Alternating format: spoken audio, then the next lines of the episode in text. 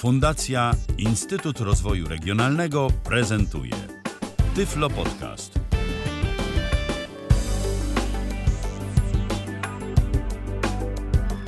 Dzień dobry, dzień dobry. 41. audycja Tyflo Przeglądu.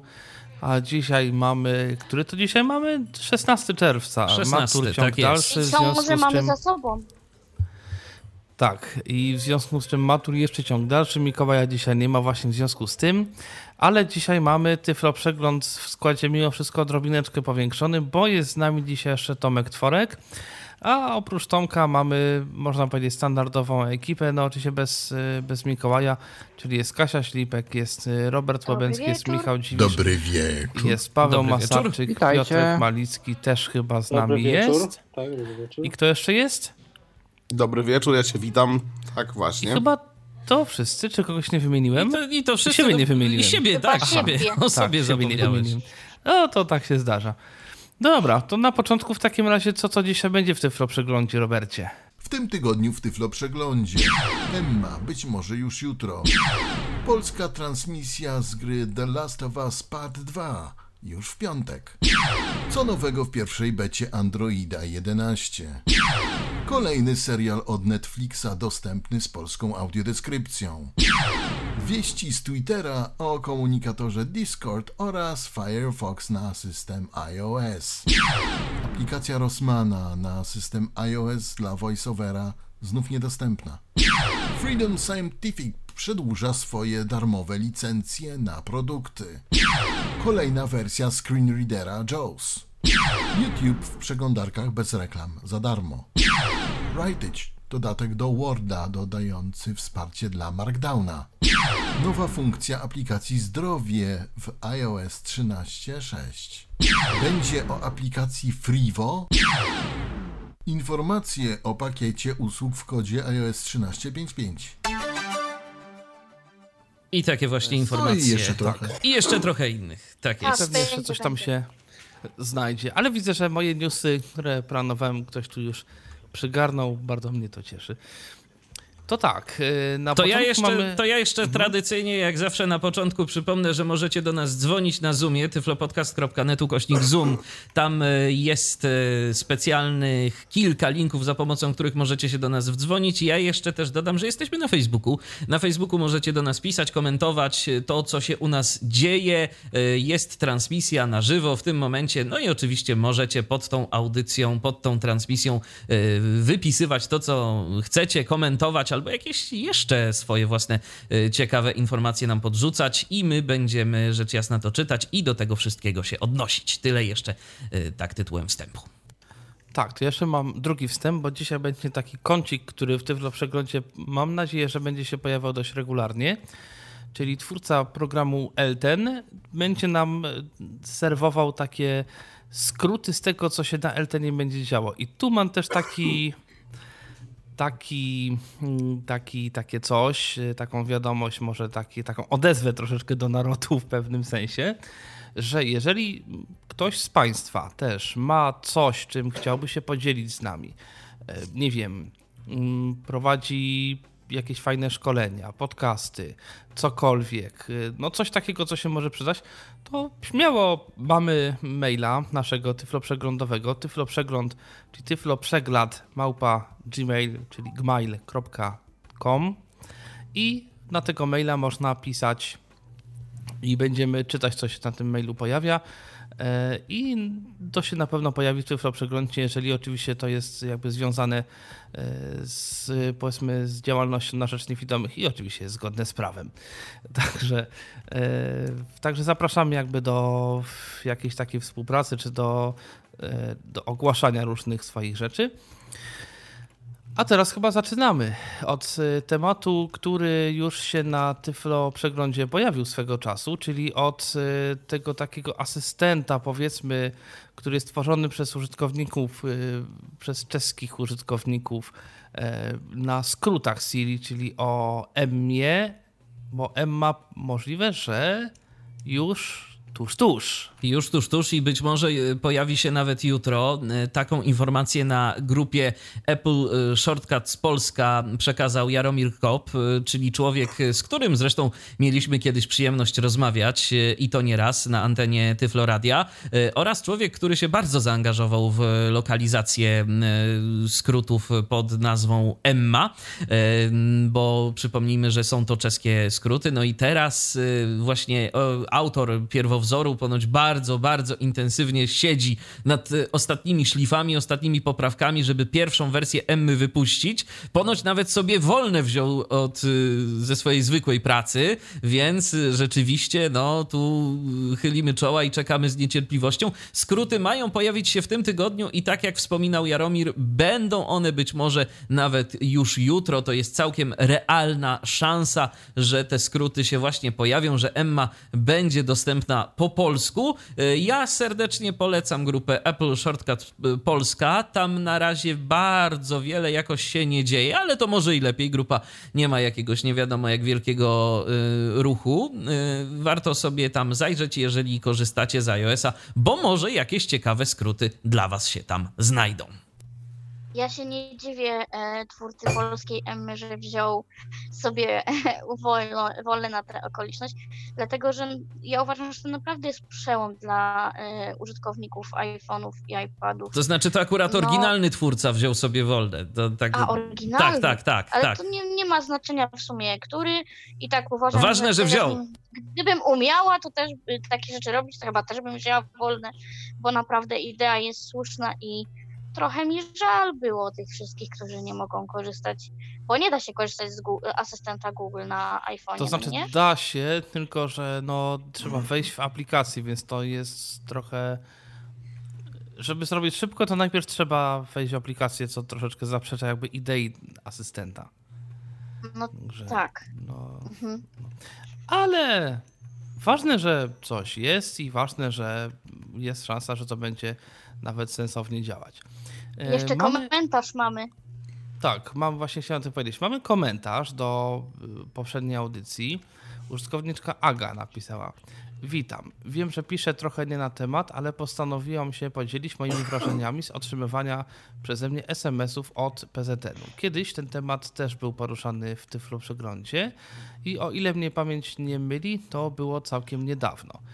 E, przyznam szczerze, że osobiście jestem rozczarowana tym systemem, głównie dlatego, że kiedy otrzymuję wiadomości od nich, to wiadomość, w wiadomości podany jest link do strony internetowej, na której ma się znajdować dana informacja. Niestety ten link nie przenosi mnie do tej konkretnej informacji, a zamiast tego przenosi mnie tylko na stronę główną warszawskiego Polskiego Związku Niewidomych. Reszty szukaj sobie sam na stronie. Jak dla mnie jest to bardzo niewygodne, bowiem przeważnie na początku strony nie ma konkretnych informacji, tylko jest gdzieś głęboko zakopana w czeluściach strony. Według mnie powinien, powinien ten link prowadzić od razu do konkretnego artykułu z konkretną informacją, a nie żebym ja musiała się przekopywać przez całą stronę internetową, nie mówiąc już o osobach, które mają problemy z wyszukiwaniem informacji w internecie. No cóż, rozczarowałam się tym, nie ukrywam. No trochę szkoda, że to w ten sposób Ja to robione, potwierdzam, bo... ja to potwierdzam i w sumie nawet miałem o tym e, mówić, ale jakoś wypadło mi to e, z pamięci. Rzeczywiście tak jest i trochę z jednej strony mnie to dziwi, z drugiej nie. Pamiętajmy o tym, że e, SMS-y jako SMS-y mają ograniczoną ilość znaków i to się chyba nie zmieniło od lat. Być może gdzieś tam jakieś są rozszerzone te SMS-y, ale w tej podstawowej swojej swojej mm, funkcji, no to jest ta ograniczona liczba znaków. Niektóre telefony oczywiście są w stanie to sklejać i tak dalej, i tak dalej, ale jednak znaków jest niewiele. I tu być może y, pojawia się właśnie ten problem, żeby przekazać ileś tam treści i do tego jeszcze wrzucić jakiś dłuższy adres y, internetowy. Ale tak z drugiej strony, to można zawsze sobie powiedzieć, są różnego rodzaju skracacze przecież. I y, to mogłoby posłużyć temu, żeby jakoś jednak te linki w sensowny sposób wstawiać. Być może ktoś z tych skracaczy nie chce korzystać dlatego, y, bo się obawia po prostu tego, no żeby jednak mimo wszystko y, były te linki w domenie Polskiego Związku Niewidomych, żeby ktoś nie uznał tego za jakiś phishing albo za coś y, podobnego, ale no coś za coś i faktycznie dobrze by było, gdyby redakcja wysyłająca te SMS-y jednak no, pomyślała w jakiś sposób i coś spróbowała z tym zrobić. Myślę, że jakiś sensowny skracacz adresów URL dałby radę. Też tak mi się wydaje. Zresztą podejrzewam, że gdyby tam ktoś siedział w ogóle nad stroną, znaczy posiedział chwilkę, to dałoby się w gruncie rzeczy robić dość fajne i krótkie linki, nawet w samym, na samej stronie, które by po prostu prowadziły do konkretnych artykułów. Zgadza Ale się. to jest kwestia na dobrą sprawę jakaś już do, do, do pomyślenia, do przemyślenia przez Polski Związek Niewidomych. E, my tu możemy sobie tylko pomarzyć i podyskutować, co by było, gdyby i jakby to można było ewentualnie zrobić. Natomiast, y, natomiast już y, przechodząc do tematów, które na dzisiaj zostały zaplanowane przez ludzi, to na początek news, y, z powodu którego tutaj właśnie witamy Tomka, bo pojawiła się pierwsza, zdaje się, taka naprawdę duża, duża gra dla widzących, zwykła gra wideo, która ma naprawdę sensownie, podobno przynajmniej, zaimplementowane funkcje dostępności i no właśnie i Tak, ma, podobno. E, to znaczy ja będę to podobno sprawdzać. E, i, i, I też e, tutaj będę chciał was zaprosić na, mm, na stream na żywo w piątek o godzinie 20. Kiedy to będę właśnie sprawdzać dostępność w grze The Last of Us Part 2. Ja myślę, Tomku, gra? że warto by było, żebyś w ogóle powiedział coś nieco tak, tak, tak. więcej tak. na temat tej gry. Co to właściwie jest, jaka to jest gra, na czym ona polega, bo trochę już o tym mówiliśmy, ale mhm. no entuzjasta opowie o tym myślę, że więcej i ciekawiej, a ty bez wątpienia jesteś takim growym entuzjastą. To znaczy tak, powiem to, co wiem, przynajmniej na razie, bo też y, starałem się nie spoilować jakby samej rozgrywki i różnych rzeczy, a w internecie krąży bardzo dużo informacji informacji i tak dalej, i tak dalej.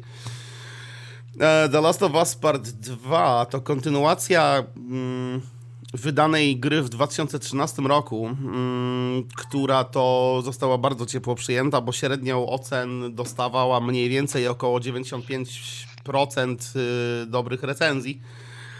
E, generalnie jest to gra akcji, e, można tak powiedzieć w skrócie, bo tak naprawdę to gra akcji, to gra przygodowa, to jakiś horror, thriller, e, to taka trochę mieszanka gatunkowa. Gry, która w, dzieje się w takich klimatach post, post-apo w sumie, także w, w sytuacji, kiedy świat już w zasadzie prawie nie istnieje, a zostały, zostały już tylko grupki tych, którzy przetrwali i w tym momencie starają się jakoś radzić, starają się sobie radzić w tym świecie, w którym wszystko wygląda zupełnie inaczej. E, opisując fabułę mm, w bardzo dużym skrócie, bo też jakby o samej fabule dwójki niewiele wiadomo i chyba dobrze, bo podobno to właśnie jest e, najbardziej ważne w tej grze. Mogę powiedzieć, że jeśli chodzi o pierwszą część, jest to kontynuacja podróży dwóch e, jakby, no to jest e, generalnie dwie osoby główne, które są w tej grze tak jakby e, pod lupą, czyli Joel wraz ze swoją towarzyszką, czyli dziewczyna, która generalnie znalazła się w tej całej sytuacji, no w tej pandemii, jak tokolwiek by można nazwać, i razem podróży, podróżowali przez ten zniszczony świat, starając sobie, starając się radzić jakoś w, ty, w tej sytuacji. I w dwójce jest to jakby już 5 lat po wydarzeniach z części pierwszej, e, więc trudno mi powiedzieć, czy trzeba znać pierwszą część, by tak naprawdę zrozumieć całą historię. Personalnie nie wiem, jak to, bo czytałem recenzję, gdzie ludzie twierdzili, że jednak warto, a byli ludzie, którzy twierdzili, że jednak w drugiej części jest bardzo dużo odwołań do pierwszej, więc w zasadzie nie jest nam potrzebna jakaś wiedza z y, poprzedniej gry, z poprzedniej produkcji Naughty Dog, bo to właśnie firma, która, która zajmuje się tą grą czyli wewnętrzny zespół Sony, o czym warto też powiedzieć, bo gra y, jest tylko i wyłącznie dostępna na konsolę PlayStation 4 i to jest jedna konsola. To jest minus prawdopodobnie dla wielu graczy, którzy nie posiadają tej konsoli. E, no ale no cóż, tak to już jest z ekskluzywnymi tytułami. E, I internet został, że tak powiem, wstrząsnięty jakiś czas temu wiadomością, która wybuchła po prostu nagle i która, e, która sprawiła, że wielu ludzi, naprawdę wielu ludzi, wielu niewidomych zakupiło już PlayStation 4. Chodzi tylko o to, że w grze znajduje się około, mniej więcej około 60 e, opcji dostępności. I to dla e, każdej grupy tak naprawdę e, osób niepełnosprawnych, bo są to osoby słabowidzące, osoby niewidome, osoby głuche, a także osoby z problemami ruchowymi. Mm. Co jest bardzo ciekawe i oczywiście no, ja to tylko mówię z takiego punktu widzenia kogoś, kto jeszcze w tą grę nie grał, więc też no, mogę powiedzieć czysto teoretycznie. W grze został zaimplementowany system TTS, czyli Text to Speech, y, wymyślony i stworzony przez twórców tejże gry. Tylko dlatego, że sama konsola nie oferuje nam tego systemu TTS, o ile nie mieszkamy w Stanach Zjednoczonych. Bo tam jest ten system oferowany, ale tylko i wyłącznie tam. I to z tego co wiem na bardzo kiepskim poziomie, mimo wszystko. Więc twórcy wymyślili swój własny system text to speech. Jak to będzie miało wyglądać? Cóż, dowiemy się za 3 dni, bo za 3 dni też, jak już wspominałem, będę robił stream na stronie Twitch TV. Eee, No i mam nadzieję, że będziecie ze mną podczas tego streamu, gdzie ja sam będę oczywiście to testował, sprawdzał i to będzie moje pierwsze podejście. Tu warto, myślę, wspomnieć o tym, że ta gra jest całkowicie zlokalizowana na- język polski i ten system TTS również. To nie jest tak, Dokładnie. że będzie tam coś gadało angielską syntezą. Tu się ktoś na tyle postarał, że opracował bądź też zakupił, no bo tego nie wiemy, jaki tam będzie głos, więc y, być może to jest już coś, co znamy, ale w każdym razie pojawi się tam synteza w języku polskim. Dokładnie. Yy, Równocześnie pojawi się właśnie, jak powiedziałeś, e, polski dubbing, bo jest pełna polska lokalizacja. E, I jeśli dubbing będzie taki jak w poprzedniej części, a podobno taki właśnie jest, no to możemy się spodziewać no czegoś niesamowitego. Przynajmniej dla mnie i, i, i myślę tutaj, że kilka osób też słyszało, e, jak to prezentuje się poprzednia część. No jest to zrobione naprawdę dobrze. I, i, i, jeśli chodzi o sam dźwięk, y, generalnie, co mogę wam powiedzieć w takim dużym skrócie o samej rozgrywce, jest to połączenie trzech takich podstawowych, y, trzech podstawowych elementów. Eksploracja, która ma mieć bardzo ważne znaczenie, czyli eksploracja terenu, e, włącznie z wieloma możliwościami dostawania się w różne miejsca przez, nie wiem, drzwi, wybijanie okien, i tak dalej, i tak dalej. Y, Eksploracja ma owocować oczywiście zbieraniem przedmiotów, które są potrzebne do tworzenia innych właśnie, bo jest, y, jest tam całkiem rozbudowany system craftingu. A także walka. I ta walka jest również podzielona, bo jest to normalna walka taka, y, no, że tak powiem, z bliska przy użyciu pięści, przy użyciu broni białej. Czyli takie tak dalej. bezpośrednie starcie. Dokładnie. E, Walka przy użyciu broni białej, broni palnej również oczywiście, chociaż no, w, ten, w tym świecie ciężko o, o amunicję, więc każda sztuka się liczy. No i bardzo istotny też element, czyli y, walka skradankowa, że się tak wyrażę, czyli pozbywanie się przeciwników z ukrycia, co również jest podobno dostępne i działa w 100%.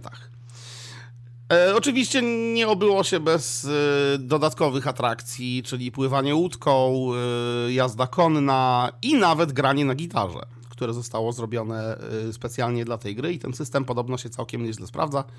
Czytałem wielokrotnie, że już ludzie e, pisali, ciek- e, pi- pisali coś w stylu Ciekawi mnie, kiedy użytkownicy i gracze będą robić e, w The Last of Us co- covery różnych innych piosenek przy użyciu gitary.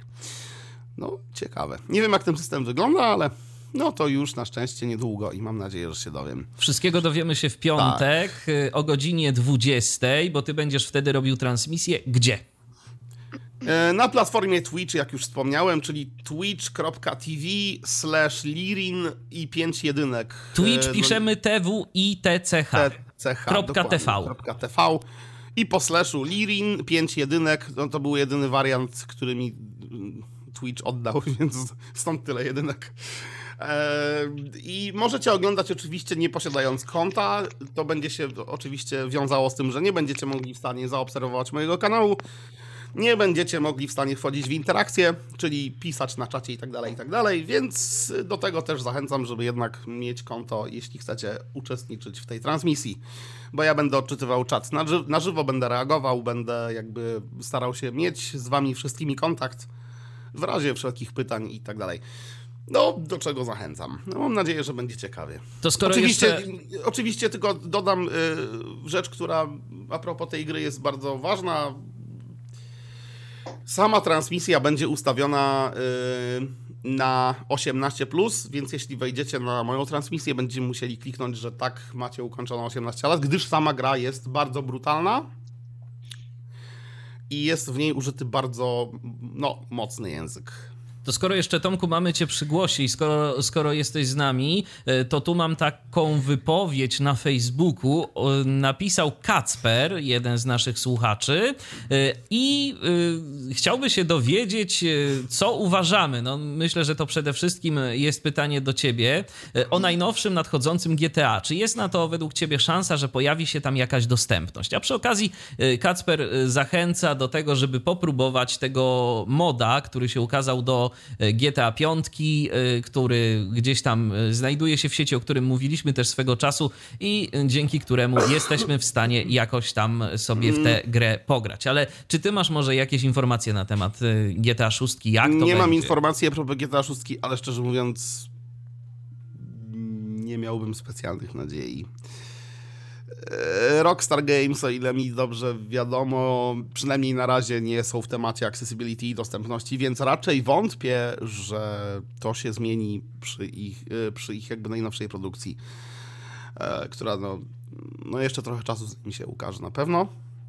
Chociażby dlatego, że na razie mówi się bardzo dużo o GTA 5 jeszcze nadal, bo GTA 5 ma wylądować na PlayStation 5 e, niby bardzo poprawiona podobno i tak dalej, i tak dalej, ale raczej się nie spodziewam, żeby coś się w tej kwestii zmieniło. Właśnie i to jest też ta kwestia, że niewiele, niewiele dzieje się w grach, jeśli chodzi o tą dostępność, jeśli, jeśli mowa o tych e, takich branżach, znaczy o tych studiach bardzo dużych e, i Takich flagowych, nie? tak, dokładnie. E, określanych bardzo, w takich nawet produkcjach określanych bardzo często AAA. E, generalnie już bardziej się spodziewam, że coś się będzie działo w dostępności, jeśli chodzi o następnego asasyna, czyli Assassin's Creed. który to wychodzi pod koniec tego roku i to ma być ten Assassin e, z wikingami i tak dalej, czyli ten Valhalla. Tylko dlatego, że Ubisoft spod ręki którego jest właśnie seria Assassin's Creed, jest bardzo zainteresowany dostępnością i mało tego z ciekawostek, jeśli ktoś nie wie, jest trailer w internecie najnowszej produkcji właśnie z, z Assassin's Creed w tytule, który, słuchajcie, ma audiodeskrypcję dla niewidomych, ten, tenże trailer. E, także trudno powiedzieć, co szykują i jakby co się tam dzieje. Osobiście raczej bym się nie spodziewał, ale lubię jak mnie życie zaskakuje, tak samo jak w tym przypadku z The Last of Us, kiedy się w ogóle nie spodziewałem takiej niespodzianki.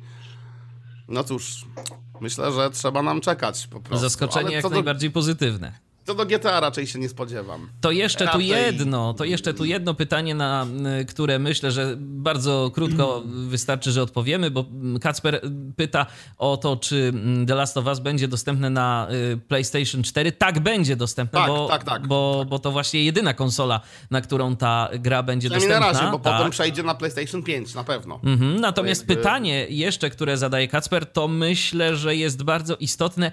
A ile to będzie kosztowało? Dokładnie, obecnie e, można zamówić przed, w przed, sprzed, w- tak, w przedsprzedaży, dokładnie. E, na, e, jeśli chodzi o wersję digital, czyli cyfrową, można kupić za 289 zł. To jest cena cyfrowa, natomiast widziałem ceny pudełkowe, ceny pudełkowe za chyba najniższą cenę, jaką widziałem, to jest 240 zł. To jest najniższa cena, cena jaką A dlaczego mm, to tak się różni cenowo? E, dlatego, że... W sensie e, cyfrowa i pudełkowa. Jasne, dlatego że generalnie y, myślę, że Sony sobie dobrze zdaje sprawę z tego, że większość ludzi kupi wersję cyfrową, która w tym momencie jest coraz bardziej jakby akceptowana przez klientów niż wersje fizyczne. No Więc jest drożej, po prostu. O, oczywiście, jasne, wersje pudełkowe się będą sprzedawać, ale y, czytałem ostatnio jakieś statystyki i dlatego PlayStation 5 podobno nie ma już, znaczy ma być już pozbawiona napędu fizycznego e, i ma przejść w dużym stopniu na cyfrowo, e, że tak No powiem. dobra, a w takim razie, jeżeli chcemy komuś zrobić podarunek z takiej gry, to już się nie zrobi. E, da się. Cyfrowo można komuś również kupić grę, można mu zrobić tak zwanego gifta i tak dalej, także to jest do zrobienia nawet jeśli Tak, chodzi te o konsole kopie. Mają te, też, tak jak y, Android czy jak iOS, mają te systemy Tak. kont, gdzie się logujemy i później te cyfrowe gry wędrują razem z nami. Tak podejrzewam, że to Dokładnie, jest tak, y, mają, mają rozwiązane. wszystkie całe gifty i tak dalej, więc to jest wszystko do zrobienia. Ja też wczoraj przepatrzyłem Allegro pod kątem y, PS4 i gdyby kogoś interesował zakup tej konsoli z myślą o y, grze The Last of Us, no to muszę powiedzieć, że tak najtańsze co widziałem y, i to są raczej rzeczy używane, No tak. to jest od 900 zł. Nowa konsola. O kurczę, drogo. No, nowa konsola to już jest tak po, ponad ładny, ponad 1000 zł, więc y, trzeba się z taką kurczę. kwotą y, liczyć. Niestety tu jest jeden problem z tymi konsolami, słuchajcie, przynajmniej dostępnymi na Allegro. Być może gdzieś tam jeszcze w sklepach, jakby y, człowiek y, się rozejrzał, to znalazłby coś, y, mm, jakąś atrakcyjną ofertę, ale z konsolami dostępnymi na Allegro problem jest taki, że one mają zestawy gier. Y, No tak. Ktoś sprzedaje konsolę z grami, ileś gier do tego Mm. dorzuca, no a te gry kosztują. Wiadomo, że będą troszeczkę tańsze, ale no nam nie są potrzebne te gry, nam by wystarczyła sama konsola y, i pad y, do tego, żeby No i ewentualnie The Last of Us Part 2, jeśli ktoś by dorzucał, nie? Jakby ktoś już taki Jakby- prezent chciał zrobić, to by się przydało. Tak. Właśnie, konsola PS4 z y, The Last of Us w zestawie. To Coś coś takiego... ciekawostek, The Last of Us już ma większość graczy na dysku tak naprawdę. Bo już jest y, w preorderze, jak mówiłem, więc wielu już kupiło i już czeka u nich to na dysku, ale problem jest taki, że dopiero w piątek odblokują y, możliwość włączenia, więc... Ty już masz? Czy, czy, czy jeszcze Nie, nie? będę miał y, jutro, pojutrze. A, bo to Minimum. jakoś się kolejkuje, jak rozumiem. Ten... E, nie, nie, nie, nawet nie. Po prostu będę miał, jak, e, że tak powiem, fundusze mi dotrą A, na tej zasadzie. Na tej zasadzie. Okej. Ale będę miał jutro, pojutrze, y, myślę, także już też będzie czekać na konsoli. e, Na piątek. Na piątek, tak. I obiecuję tu wszem i wobec, że w piątek y, przy was to będzie pierwsze uruchomienie. Zdecydowanie. Okej. E, Także będziecie świadkiem mojej y, przygody, podejścia do tego, może nawet i porażki, mam nadzieję, że nie. Mam nadzieję, że nie będzie mi tak fatalnie iść w tej grze. Ale zobaczymy. No zawsze to będzie debiut, więc wiesz, więc y, to może być, Dokładnie. naprawdę, może być naprawdę różnie. No dobrze, Tomku, to dzięki w takim razie za informację i czekamy y, na piątek na godzinę 20 na stream z gry The Last of Us. Jasne. To ja jeszcze zostanę z wami na zasadzie słuchacza, pewnie gdzieś tam. No zapraszamy. Dobra. To dzięki wielkie i do piątku w takim razie. Do piątku. do piątku, a tymczasem kolejne nowości, bo jak zwykle tych nowości troszeczkę mają. Mamy troszeczkę nowości dzisiaj. No i kolejną taką nowością to jest Android, bo Android co roku w tej chwili od dłuższego czasu wypuszcza nowe wersje. Pojawiła się beta dla telefonów od Google'a w wersji 11. No i pierwsi użytkownicy już sygnalizują różne ciekawe rzeczy, które z dostępnością tego Androida mają wspólnego wiele. E, Tak, to się zgadza. E, Mamy dostępną betę, już zajęli się nią na przykład chłopcy z podcastu An- Annotated Podcast. E, Jednego z takich ostatnio nowych i dość aktywnych podcastów, jeśli chodzi o dostępność androidowych produktów. I y, oczywiście potwierdza się to, o czym już spekulowaliśmy od jakiegoś czasu, czyli mamy gesty wielopalczaste. No ile nam to zajęło? 10 lat. Ale mamy i nareszcie gdzieś tam dojechaliśmy do tego poziomu iPhone'owego. Druga rzecz, która się pojawiła i która zbliża Androida bardziej do iOS-a, e, jest to akcja nowa, którą, do której można przypisać jakiś gest. odtwarzaj, zatrzymaj odtwarzanie multimediów. Tak naprawdę jest to symulacja przycisku multimedialnego na słuchawkach, czyli ma taka akcja szereg zastosowań. Na przykład możemy nią nie tylko zatrzymywać i odtwarzać muzykę, ale też na przykład odbierać i zakończać rozmowy. Ekstra. Możemy prawdopodobnie w aplikacji TeamTalk włączać, wyłączać nadawanie e, i wiele różnych innych y, akcji, w zależności od tego, jak jest skonfigurowana konkretna aplikacja, jak ma reagować na przycisk multimedialny. Myślę, że to jest o tyle lepsze od rozwiązania w iOSie, że deweloper bardzo często nie będzie świadom, że wprowadza udoskonalenie dostępności w swojej aplikacji. Nie trzeba będzie uświadamiać, że istnieje jakieś kolejne nowe API, a no bo na Androidzie e, bardzo często jest, jest ciężko z przekonywaniem deweloperów do wprowadzania tej dostępności e, powyżej poziomu opisywania elementów poprawnie, więc e, no. Mam pytanie w związku z tym. Tak.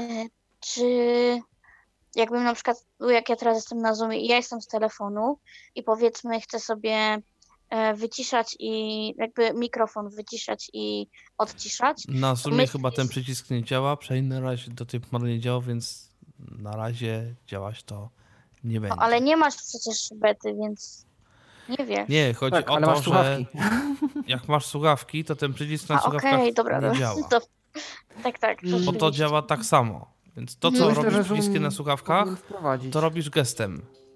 To mhm. myślę, że można do Zooma zgłosić i warto, żeby wprowadzili, bo przecież nawet sporo osób y, widzących posiada y, słuchawki konferencyjne z pilotem do wyciszania się, do odciszania się i to mogłoby być y, w ten sposób zintegrowane, bo dlaczego by nie?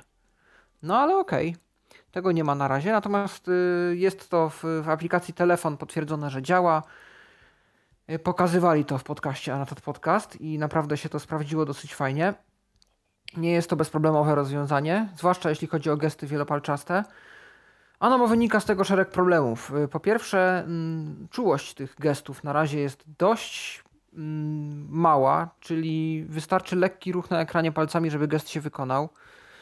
E, jest też problem, nawet jeżeli gesty nie są przypisane, na przykład dwupalczasty gest y, góra-dół nie jest przypisany do niczego konkretnego, e, to nie działa, tak jak to miało miejsce w Androidzie y, poprzednim, w poprzednich wersjach, przewijanie w aplikacjach różnych treści. Na przykład w Gmailu y, przewijanie treści maila powoduje przejście do następnej poprzedniej wiadomości. Nie dzieje się to we wszystkich aplikacjach, w niektórych wszystko działa po staremu, w niektórych nie działa to tak, jak y, by się wydawać mogło. Problem jest też z niektórymi aplikacjami. Ponoć w WhatsAppie, w Telegramie nie da się nagrywać wiadomości głosowych póki co. Nie wiadomo czemu, jest jakiś błąd. W wiele elementów nie można wchodzić. Y, nie wiemy też, co się dzieje w aplikacjach, które wykorzystują te gesty świadomie. Y, te dwupalczaste, trzypalczaste do różnych operacji. No bo w Androidzie było przedtem tak, że jeżeli aplikacja miała zaimplementowany jakiś globalny gest dla osób widzących, wykonywany jednym palcem, dwoma palcami i tak dalej, my również mogliśmy go wykonać, po prostu dokładając jeden palec ekstra. Czyli jak to był jeden palec, to można było użyć dwóch palców i tak dalej. Więc wiele aplikacji wykorzystywało to do jakichś swoich tam czynności. Yy, na przykład Dotwalker pozwalał na przełączanie wielu ustawień, uzyskiwanie wielu informacji i wywoływanie akcji takimi gestami. GoneMat Music Player, bardzo fajny odtwarzacz muzyki, pozwalał na przełączanie utworów y, z ekranu aktualnie odtwarzanego utworu albo z ekranu blokady. Y, I były aplikacje, które w inny sposób również wykorzystywały ten mechanizm. No, na ten moment nie wiemy, niestety nikt nie sprawdził jeszcze, jak to się zachowuje. Zachowywać się może, jak widać, różnie. Natomiast to nie wszystko, bo jeszcze y, kolejną dla nas istotną nowością, jeśli chodzi o dostępność, jaka pojawiła się w Androidzie 11, jest możliwość włączania i wyłączania usługi dostępności zdefiniowanej e, skrótem, klawiszami głośności przytrzymanymi z poziomu ekranu blokady. Ja myślę, że to jest fajna sprawa, mm, zwłaszcza, że wiele telefonów teraz yy, domyślnie ten skrót ma włączony. I to nawet nie, że Google, nie, że czysty Android. Yy, trafił mi się kiedyś Huawei, który miał to włączone. I to by oznaczało, że jeżeli E, będę miał komuś serwisować telefon, sprawdzić, co jest w nim źle i ktoś mi go po prostu da. Jeżeli znajdę gdzieś zgubiony telefon i chciałbym się dowiedzieć, kim jest właściciel, w jakikolwiek sposób coś tam sprawdzić i ten telefon zwrócić. I w wielu innych sytuacjach e, będę mógł po prostu bez, odblok- bez proszenia właściciela o odblokowanie telefonu od razu z ekranu blokady włączyć udźwiękowienie na przykład, bo domyślnie TalkBack jest skonfigurowaną usługą. Czyli Więc- jeżeli będzie to zrobione dobrze i poprawnie, bo niestety ostatnio no, z syntezą mowy na tych telefonach, które są ledwo co skonfigurowane albo ledwo co uruchamiane, to, to kilka już problemów było, ale jeżeli to będzie zrobione dobrze, to to będzie działać lepiej niż nawet iOS, y, w którym, jak dobrze pamiętam, to jak sobie nie skonfigurujemy dostępności na początku, to potem już tak łatwo tego nie zrobimy. Tak, tak, tak, dokładnie tak jest. Jeżeli przy Ym. starcie nie włączymy tego voiceovera, to później już e, trzy razy home nie działa. Trzeba go w ustawieniach przestawić. Tak jest niestety. E, Mi się wydawało, że dało się za pomocą Siri e, załączyć voiceover. No, tak, jak masz włączoną tak. Siri, to tak. Tak, Tak, i to działało z ekranu blokady. I kiedyś tak komuś zrobiłem i to rzeczywiście się sprawdziło. E, Natomiast y, tak, tak, to mam nadzieję, że to tak zostanie w takiej formie. Jest oczywiście dużo innych zmian, y, o których tu poniekąd mówiliśmy. Mówiliśmy o powiadomieniach, o tym, że rozmowy z naszych ulubionych komunikatorów pojawią się w osobnej sekcji powiadomień i będzie można z poziomu powiadomień już y, odpowiadać, przeglądać wiadomości, poniekąd jakieś zdjęcia. Tam będzie można nadawać priorytety tym rozmowom. Y, Będą różne inne opcje personalizacji tych powiadomień. Mm, Będzie możliwość y, dobijania się do ADB, czyli wykonywanie wszystkich zaawansowanych operacji, które do tej pory były wykonywane pod kablem przy komputerze, na przykład y, udzielanie jakichś dodatkowych uprawnień aplikacjom, na przykład jakiś zaawansowany backup, na przykład wgrywanie jakichś ROMów, aczkolwiek tu myślę, że ta metoda się nie sprawdzi. Wiele innych y, operacji deweloperskich, takich zaawansowanych, będzie można wykonywać bezprzewodowo po Wi-Fi, po zeskanowaniu kodu QR między komputerem a telefonem. Będzie można uzyskać bezprzewodowe połączenie po ADB z telefonem. I nowość, która również mnie urzekła, jestem bardzo ciekaw, jak to w praktyce działa e, tak naprawdę. E, Podobno, jeżeli odtwarzamy jakieś multimedia z jakiejś aplikacji, e, to jest ikonka w obszarze powiadomień, która pozwoli nam wybrać źródło, nie źródło, tylko cel, czyli urządzenie docelowe, na którym będziemy chcieli odtwarzać. E, Jeżeli to dobrze rozumiem, będzie możliwość puszczania muzyki z, konkretnego, z konkretnej aplikacji, z konkretnego źródła, na przykład niezależnie od dźwięku reszty telefonu na urządzeniach Bluetooth albo jakichś Chromecastach. I to by było całkiem fajne. No, zdaje się, że na iOSie ta funkcja w teorii jest, w praktyce nie do końca chyba działa.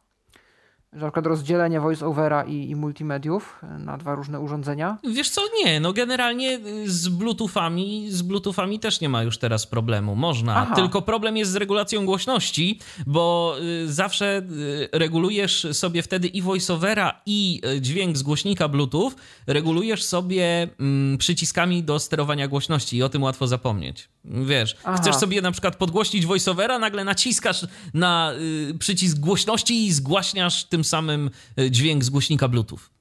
Okej, no to, to dobrze wiedzieć, bo pamiętam jeszcze te czasy, kiedy to nie Tam działało wystarczy poprawnie. przełączyć tę opcję wysyłaj do HDMI mm, w Aha. ustawieniach. Tak, tak. Roz- to, to, to się da już od No jakiegoś to czasu. fantastycznie. To mam nadzieję, że w Androidzie tak samo to będzie teraz też działać.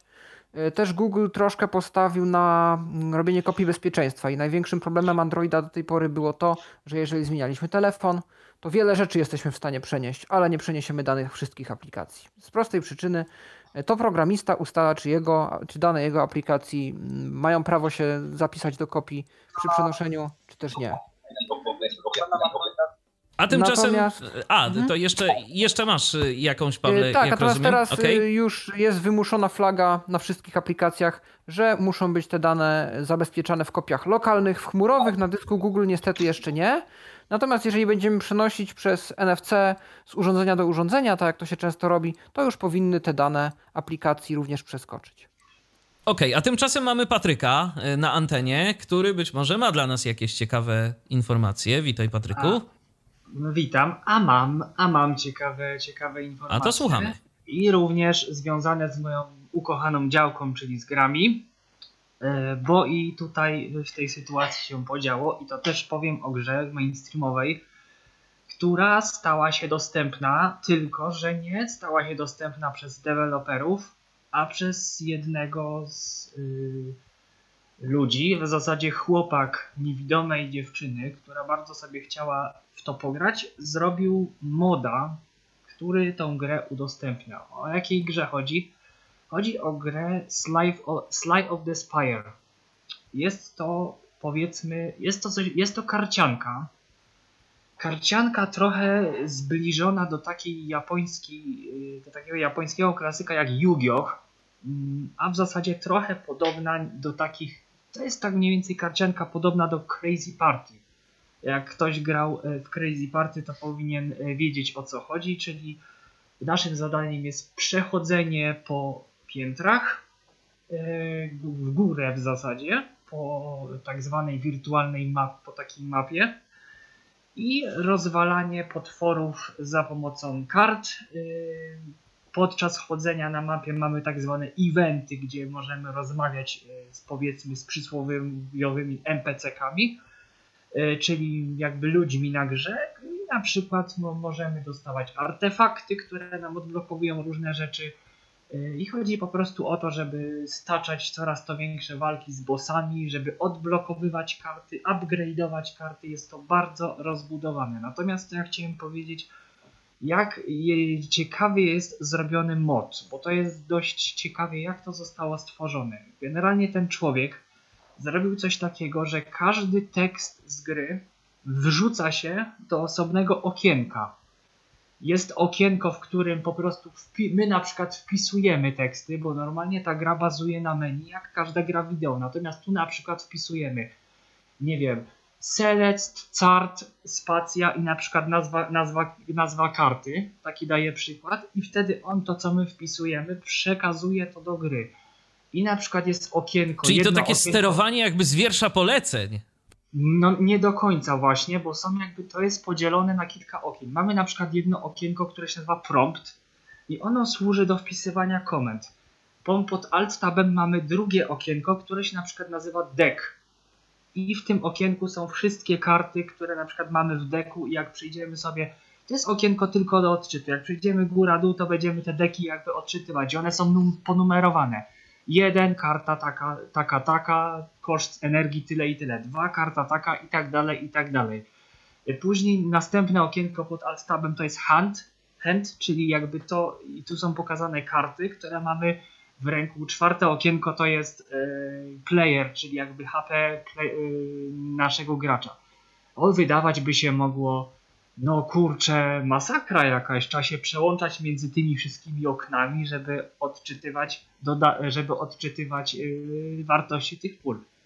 Nic prostszego. I oczywiście, jeżeli mamy samego tego moda, no to rzeczywiście tak musielibyśmy robić, że się, tak, że się przełączać w ten sposób. Ale mm, Piotr Machacz, yy, znany z, z różnych Tyflo podcastów, stworzył taki programik AutoIcie, który automatycznie monitoruje wszystkie okna. Jeżeli ja na przykład wpiszę w, w prompcie, na przykład wpiszę player, to w tym momencie on automatycznie odczyta mi wartość tego okienka, czyli tego, co jest o, o graczu e, i będzie, się, będzie czytało automatycznie to, co jakby dzieje się podczas y, samej walki, ale y, również y, automonitorowanie okien ma wbudowany program Hengdu Screen Reader, czyli ZDSR, którego nie, nie, o którym wiem, że będzie prezentacja w Tyflo Podcaście niedługo. Pewnie ty, Michale, jeszcze o tym nie wiesz, ale ja wiem, że będzie. No to fajnie, Bo... jak tylko zapewne jak Arek coś nagra, to ja czekam Arek, z Arek, niecierpliwością. Piotr,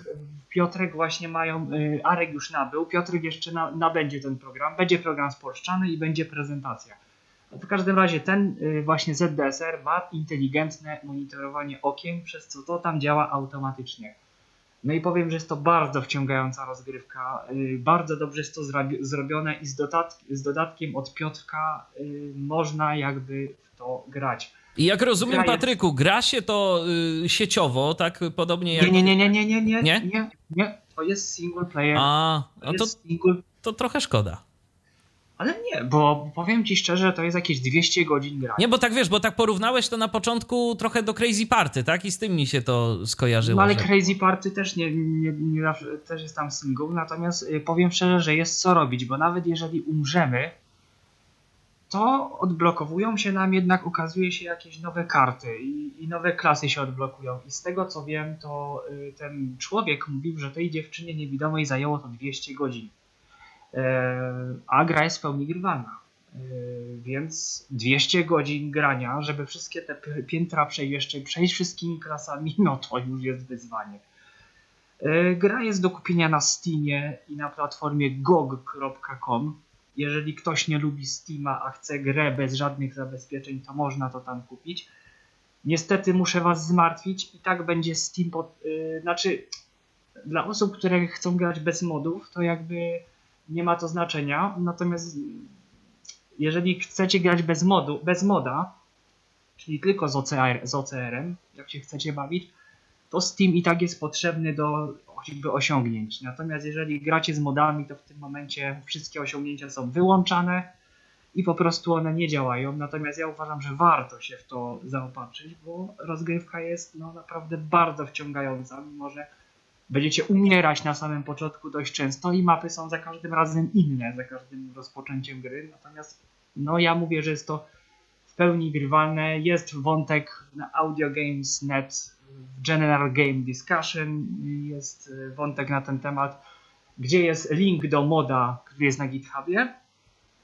Plus dodatkowe mody, które trzeba mieć, można ściągnąć Steam, ze Steam Workshop, to jest taki warsztat Steam one już zostaną pobrane, jeżeli już kupimy grę i zasubskrybujemy co trzeba. Na platformie GOG.com, yy, co prawda, jeżeli kupimy, też możemy te mody yy, wgrywać ze Steam Workshop. Jest na to specjalny sposób. Również jest tam opisane na tym forum, także jeżeli ktoś będzie zainteresowany, to polecam. Bo gra jest naprawdę bardzo ciekawa i mod cały czas się rozwija, cały czas. To jeszcze przypomnij Patryku nazwę tej gry. Jak ona się nazywa? Sly, Sly of the Spire pisane jest to Sly of the Spire. Tak, tak to się pisze. I na forum AudioGames.net znajdziemy w wątku Gen gdzieś tam tak, pewnie tak. informacje, tak? Tak jest. Okej, okay. dobrze. Dziękujemy Ci bardzo za te informacje. Pozdrawiamy i do tak usłyszenia. Ja teraz jeszcze zajrzę na Facebooka, bo tu nam się zrobiło trochę mm, informacji i trochę wypowiedzi od naszych słuchaczy. Y, Kacper się rozpisał. Y, napisał między innymi o tym, że PS5 ma ponoć mieć y, syntezę polską. No, jak to będzie z tą syntezą polską, to się to wszystko okaże, bo tak naprawdę to jeszcze do końca nic nie wiadomo, ale fajnie by było. Ale na pewno mam... to, co wiadomo, to, że powołali nową osobę na stanowisko mm, menedżera spraw dostępności, więc to może być obietnica tego, że coś nowego się wydarzy i coś będzie tam bardziej na poważnie brane, jeśli chodzi o dostępność. Tak, tu Paweł tak prowokacyjnie i Paweł chyba chce wywołać jakiegoś flame'a w komentarzach, bo napisał y, taki y, komentarz, jaki z tego morał, że iOS rządzi. To chyba w, odnośnie tych y, nowości w Androidzie. No ale to jakby ważne, że mamy wybór, tak? Jest iOS, jest Android i, i tyle fajnego, ale jest jeszcze jedno pytanie, które zadał Kacper. Mam pytanko do pana Tomasza Bileckiego. Co uważa pan y, na, o, na temat obróbki na żywo, używając programu Reaper i Virtual Audio Cable? I jak już przy dźwięku, czy uważa pan, y, że kiedyś zostanie utworzony jakiś plugin, program, który umożliwi korzystanie z FL Studio? Tego nie wiem, czy zostanie coś takiego stworzone, bo to, to, to wszystko zależy od tego, czy komu się będzie chciało to raz, a po drugie, na ile to jest łatwe. No bo no, trzeba pamiętać, że większość tych programów do tworzenia muzyki to nie jest tak jak Reaper, może inaczej. Reaper jest dość nietypowym programem, ponieważ Reaper udostępnia swoje API tak zwane czyli udostępnia możliwość pisania rozszerzeń specjalnie tworzonych pod ten program i te rozszerzenia mają dostęp do różnych funkcji tego programu i to nie jest y, szeroko stosowane. O ile mi wiadomo, choć mogę się mylić, to FL Studio czegoś takiego nie ma. W związku z czym no, trzeba by takie udźwiękowienie robić bardzo na okrętkę. Nie wiem, czy się komuś będzie chciało. Może się będzie chciało, ale no nic o tym nie wiem, żeby, żeby, żeby ktoś próbował to robić tak na poważnie. E, I obawiam się, żeby to zajęło masę czasu i, i wysiłku, więc no, mm, no nie wiem. Tak powiem. A co do pierwszego pytania, to yy, możesz powtórzyć jeszcze początek? Już zaglądam. Mm, obróbka na żywo używając programu Reaper i Virtual Audio Cable. Szczerze mówiąc, ja nie do końca rozumiem, o co Ja chodzi też. w tym pytaniu. Cieszę się, że nie jestem sam. Więc y, gdybyś, Kacprze, mógł Jakoś nieco mógł- rozwinąć tę Tak. myśl, to byłoby fajnie. bo nie wiem, tak, e, nie do końca wiem o co chodzi. To w takim razie ja bym jeszcze szybko przeszedł do tego newsa, który nam e, podrzucił Dawid Pieper odnośnie Eltena, bo w Eltenie pojawiło się kilka rzeczy. To znaczy od jakiegoś czasu Elten ma dwie bardzo fajne moim zdaniem funkcje. Po pierwsze m, blogi, które tworzymy w tym programie, oparte w tej chwili są na WordPressie i te, do tego WordPressa mamy jakiś dostęp do panelu tego WordPressa, w związku z czym możemy sobie tego bloga personalizować. Nie, to chyba nie jest do końca tak duża personalizacja, gdybyśmy mieli takiego WordPressa dla siebie. Nie, bo tam nie stronie. można instalować swoich własnych wtyczek, to trzeba poprosić Dawida. O to. Tak, więc, więc tego jest ograniczona ilość. E, to zresztą jest dość, wydaje mi się, przynajmniej dość logiczne, e, ale ja się nie znam, więc tutaj. No. W każdym razie, no, da się stworzyć bloga, który wygląda jak blog, a jakby w miarę współczesny, a nie jak, jak strona sprzed lat iluś. E, I druga rzecz, no to można oczywiście odczytywać blogi zewnętrzne, jeżeli są na WordPressie, jeżeli ten WordPress e, ma API. Oczywiście te funkcje działają różnie, więc y, no było kilka ostatnio różnych błędów, które były poprawiane, że tam niektóre wpisy się niedobrze aktualizowały. To ciągle się tutaj aktualizuje, ciągle się to zmienia, więc jakby jeżeli ktoś tutaj e, wszedł na Eltena, zobaczył, że to działa tak sobie, no proszę się nie zniechęcać, bo to znając życie będzie e, poprawiane, przynajmniej to, co się da w miarę sensownie poprawić. I w ogóle Elten, e, mam takie wrażenie, że Dawid tak próbuje e, pozbyć się czegoś takiego, że Elten to jest takie nowe Klango. Mhm. E, To jeszcze, no i jakkolwiek e, niektórzy uważają, że to jeszcze daleka droga, inni uważają, że no, to w zasadzie już jest zupełnie nie Klango. Niemniej takie ruchy są wykonywane e, i tego jest ponoć coraz więcej. Na przykład ostatnio zostały jakby usunięte z rdzenia programu możliwość odtwarzania YouTube'a, zniknie menedżer plików i możliwość zgrywania książek do MP3, co nie znaczy, że te funkcje znikną, tylko one staną się jakby oddzielnymi aplikacjami, które można, ale nie trzeba sobie pobrać. I Elten to będzie takie coś do właśnie przeglądania blogów, forów, czegoś jeszcze, a te dodatkowe funkcjonalności będą do pobrania jako osobne takie moduły do, e, do tych programów. E, No i wyszła jeszcze możliwość, czy wyjdzie niedługo możliwość, to raczej dla programistów, tworzenia własnych programów, które będą mogły współpracować z Eltenem. Tu się pojawiły trzy języki, C Sharp, pojawił się .NET i pojawił się Python. I podejrzewam, że do tych języków będzie e, jakaś dokumentacja, czy jakaś, jakaś możliwość tworzenia takich programów, które będą mogły się niejako w Eltenie uruchamiać, czyli jakby takich programów, które będą się też mogły jakoś integrować z Eltenem w jakiś sposób. Nie wiem w jaki sposób, ponoć będzie dość dużo tych możliwości. Nie wiem dokładnie jakie one będą. E, także no coś, coś tu się rozwija, coś sobie idzie w, no mam nadzieję, że w dobrym kierunku. No i zobaczymy, co, y, co będzie dalej. To ja jeszcze tak dodam e, króciutko, bo też dziś otrzymałem informację od Dawida, że już za parę tygodni, bo przypominamy też, że Tyflo Podcast ma swoją aplikację, którą właśnie dla nas e, stworzył Dawid i już za parę tygodni doczeka się ta aplikacja kolejnej fajnej funkcji, mianowicie w trakcie audycji na żywo będziecie się mogli za jej pomocą z nami komunikować w formie tekstowej, ale zawsze. O, a to, to niespodzianka też dla mnie, ale to dobrze, bo rzeczywiście ta aplikacja, z tego co wiem, po pierwsze ma już ponad 200 pobrań, co jest jak na nasze takie warunki dość dużo.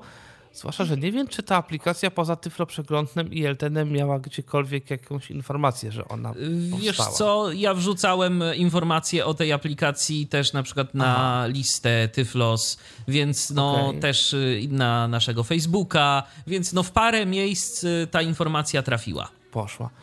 No to w każdym razie, no, myślę, że tych pobrań jest dużo i zachęcamy do tego, żeby śledzić, co się z tą aplikacją dzieje, bo no, jak widać, tych opcji się pojawia coraz więcej i mam nadzieję, że, że ta ilość będzie rosła, bo to rzeczywiście jest. To jest taka naprawdę mała, fajna aplikacja, która ma robić to, co robi w zasadzie tyle.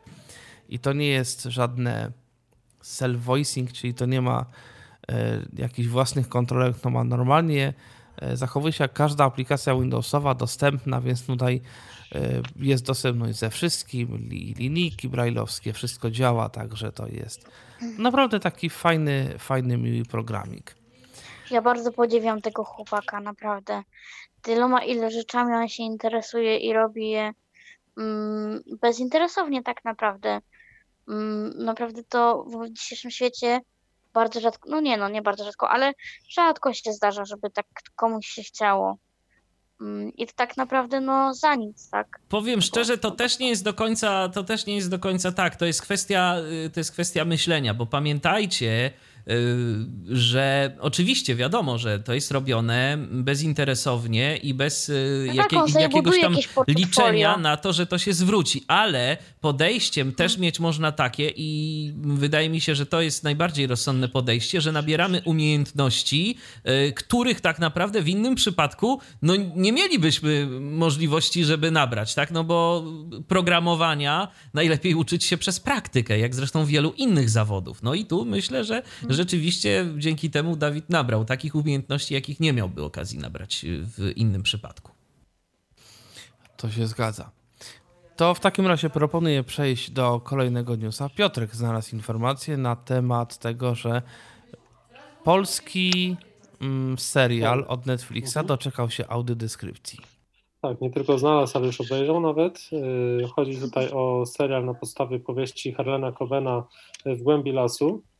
Yy, Jest O, drugi... a to jest dość nowe. Tak, tak, tak, to jest nowe. To jest tak, to jest drugi serial polski, nakręcony w Polsce, z polskimi aktorami i od razu z polską audiodeskrypcją, to jest, co jest dla nas najważniejsze, no i co jest też kluczowe, dzięki czemu można wszystko zrozumieć, co się dzieje e, w serialu. Serial jest podzielony na sześć odcinków, e, około 50-45 minut, zależnie od odcinka.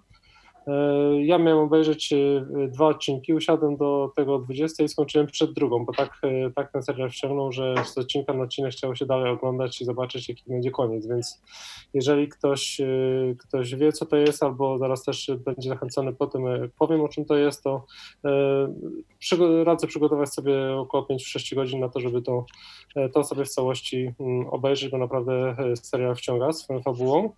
E, Serial ogólnie mówi o losach e, Pawła, prokuratora, który żyje tam w roku 2019 E, i akcja dzieje się w roku właśnie 2019 oraz 1994, e, kiedy Paweł jako o 18-latek był opiekunem na obozie takim kolonijnym dla młodzieży. No i na tym obozie w pewnej nocy zaginęły cztery osoby, cztery, czterech nastolatków. E, No i później jakby są w ramach, w miarę rozwoju tej akcji w serialu są e, tutaj różne szczegóły pokazywane i rozwiązywane, co się z tymi osobami stało e, i gdzie one się, że tak powiem, podziały, więc tutaj nie będę zdradzał nic, żeby nie zdradzić fabuły, naprawdę warto jest obejrzeć i, i ściąga i audiodeskrypcja daje mm, w pełni wszystko zrozumieć, więc zachęcam do, do obejrzenia na Netflixie mm, tego serialu, który jest już dostępny. O, teraz mnie słychać. Tak, zapraszamy do obejrzenia serialu. A teraz pora na kilka wieści z Twittera odnośnie dostępności kilku różnych programów, bo jest całkiem fajnie. Owszem. Yy, mamy kilka ogłoszeń, takich dość luźnych, bez nawet jakichś grubszych artykułów o nich napisanych. Yy, po pierwsze, dociera do nas informacja, że mm, już jest ten, ta pora roku. Nie wiem, czy to jest jakiś plan Discorda yy, określony ściśle na cały rok, czy po prostu jakaś taka tradycja. Kiedy to Discord ma się doczekać usprawnień dostępności w aplikacji iOS-owej? No myślę, że są one potrzebne E, zwłaszcza jak demonstrowaliśmy Wam, jak ta aplikacja zachowuje się w czasie podcastu tutaj. E, są rzeczy, które ciężko wykonać, e, które wymagają pewnych obejść, no więc miejmy nadzieję, że zostaną one naprawione. E, użytkownik Jazz z Kanady, JessF123 na Twitterze zbiera te uwagi, więc gdybyście mieli jakieś e, palące kwestie, które można by uwzględnić, to do tego użytkownika w języku angielskim zgłoście swoje żądania.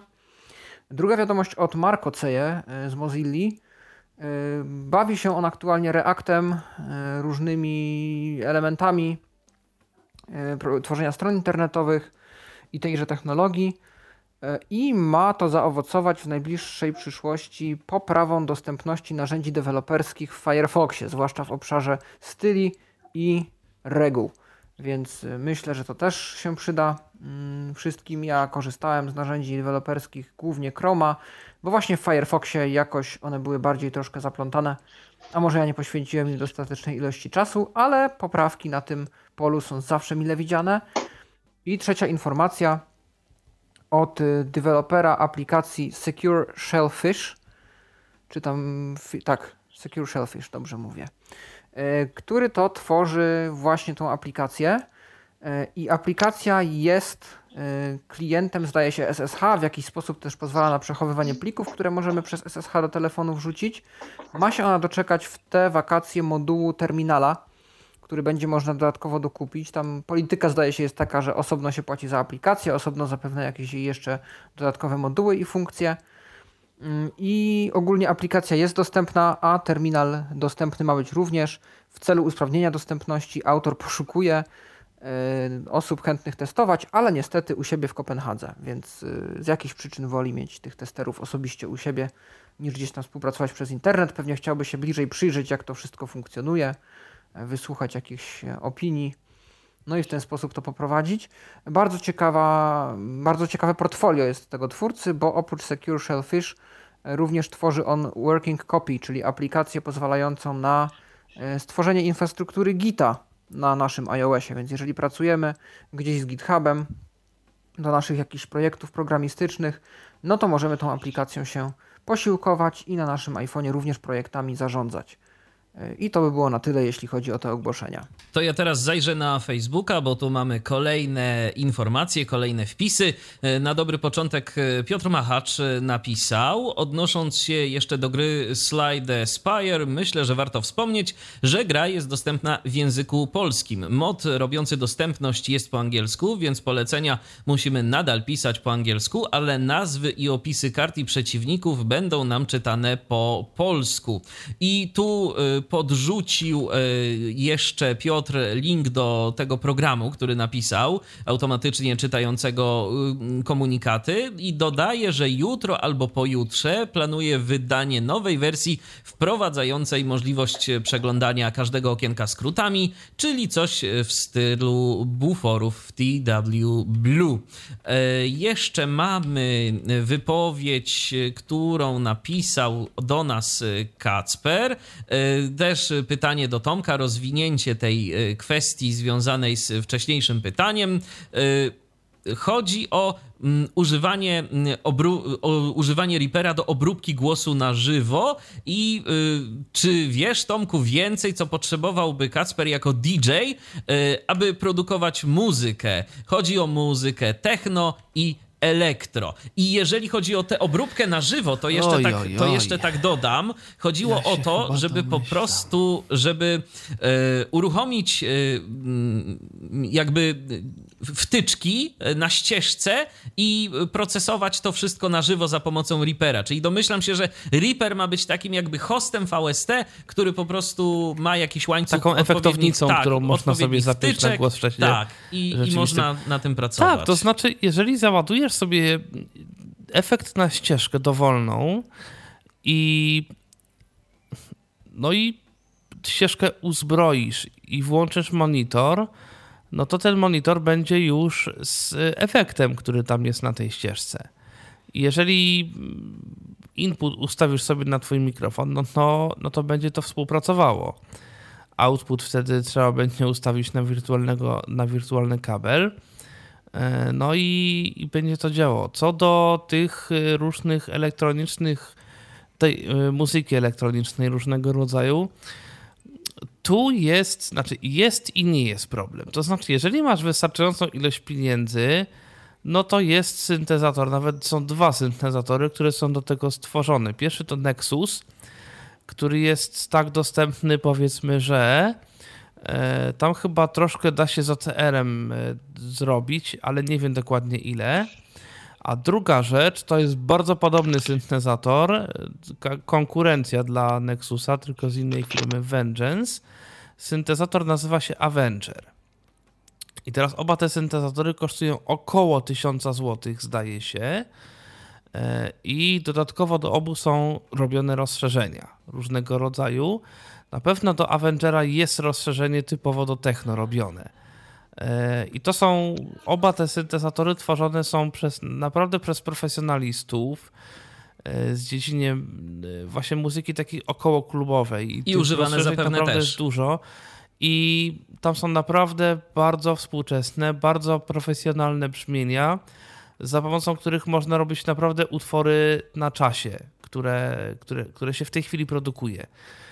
Mm, I to jest tak jakby gotowiec, tak? Masz naprawdę tam brzmienia, które się wykorzystuje w kawałkach tworzonych współcześnie, przynajmniej o ile mi wiadomo, bo ja jestem dość daleko od muzyki klubowej. Natomiast no, gdzieś, tam, gdzieś tam coś słyszałem na zasadzie trochę rozmów z ludźmi, trochę obserwacji, e, tu gdzieś YouTube, tu coś, tu ktoś coś słucha, potem sprawdzam e, właśnie te dema, więc e, no tu też nie jestem absolutnie profesjonalistą z gatunku techno. Natomiast no też trzeba pamiętać, że te wszystkie około klubowe numery to jest klasyczna synteza dość często. Więc jeżeli komuś się chce tworzyć brzmienia od zera, no to syntezatorów ci u nas dostatek, tak w ogóle różnych. Sampli ci u nas dostatek, bo przecież to, to nie jest tak, że te że, ta, że do tej muzyki klubowej są potrzebne, nie wiem, jakieś specjalne sample, których się nie dostanie nigdzie. Tak naprawdę ta muzyka wychodzi z sampli, które były stworzone dawno, dawno temu. One są już dawno, dawno na różnych otwartych licencjach do dostania w internecie, tylko one są potem oczywiście odpowiednio przerabiane. No, do tego oczywiście trzeba mieć e, wiedzę dość, dość dużą. Jeżeli się nie ma wiedzy, no to trzeba zapłacić za gotowe instrumenty, które to robią, czyli właśnie Avenger, czyli właśnie Nexus Natomiast jeżeli masz wiedzę do tego, jak zrobić brzmienie od podstaw, no to tych syntezorów jest dużo. Swego ja na czasu przykład... nawet robiliśmy audycję. Warto sięgnąć do archiwum tyflo podcastowych. Troszkę, Była audycja o, ona jest o syntezatorach, o samplerach też zdaje się, tak? Tak. Ona była. Ja Więc... mam syntezator Synth 1, to jest darmowy syntezator, który ma dość duże możliwości. E, nie wiem, czy się tak do końca sprawdzi w, w nowych. Znaczy, sprawdzi się oczywiście, natomiast na pewno trzeba go czymś jeszcze dodatkowo wesprzeć. Sam Synth 1 nie zrobi wszystkiego. E, no, ale to jest rzecz raczej dla ludzi, którzy chcą trochę podłubać i porzeźbić. Także no, generalnie tworzenie muzyki no, jest jakoś tam no, samo to się nie zrobi. To trzeba jednak coś, coś wiedzieć. Taka jeszcze podpowiedź, e, bo no teraz zaczną powoli wychodzić podcasty na temat Complete i do syntezatora Avenger, przejść do tej podstawowej wersji. Niestety, o ile mi wiadomo, nie ma, znaczy nie obsługiwane są w ten sposób rozszerzenia do, e, do tego syntezatora. W każdym razie dostępny jest e, do, za osobną opłatą, ale ta opłata nie jest duża, to jest chyba kilkanaście dolarów. Mm, jest dostępny, o Boże, jak to się nazywa, ten skrypt taki, który e, integruje ten syntezator, czyli Avenger z klawiaturami serii Complete. I wtedy będzie można, i wtedy można przynajmniej te brzmienia podstawowe, a ich jest dość dużo, bo to się liczy w tysiącach, zdaje się. E, no, można używać ich e, i bardzo łatwo je ładować e, w sposób naprawdę dostępny. I jest dość sporo parametrów tutaj do dyspozycji, można sobie troszeczkę zmieniać to wszystko. No i te wszystkie gatunki typu techno, house, w ogóle te, te wszystkie klubowe kawałki, no niestety tak czy tak wymagają od nas automatyki i używania tej automatyki. Tego trzeba się będzie nauczyć, jeżeli będziesz chciał coś takiego robić. w Reaperze. O automatyce jest podcast, znaczy jest y, automatyce trochę wspomniane w podcaście na temat y, wie, nagrywania wielościeżkowego w Reaperze.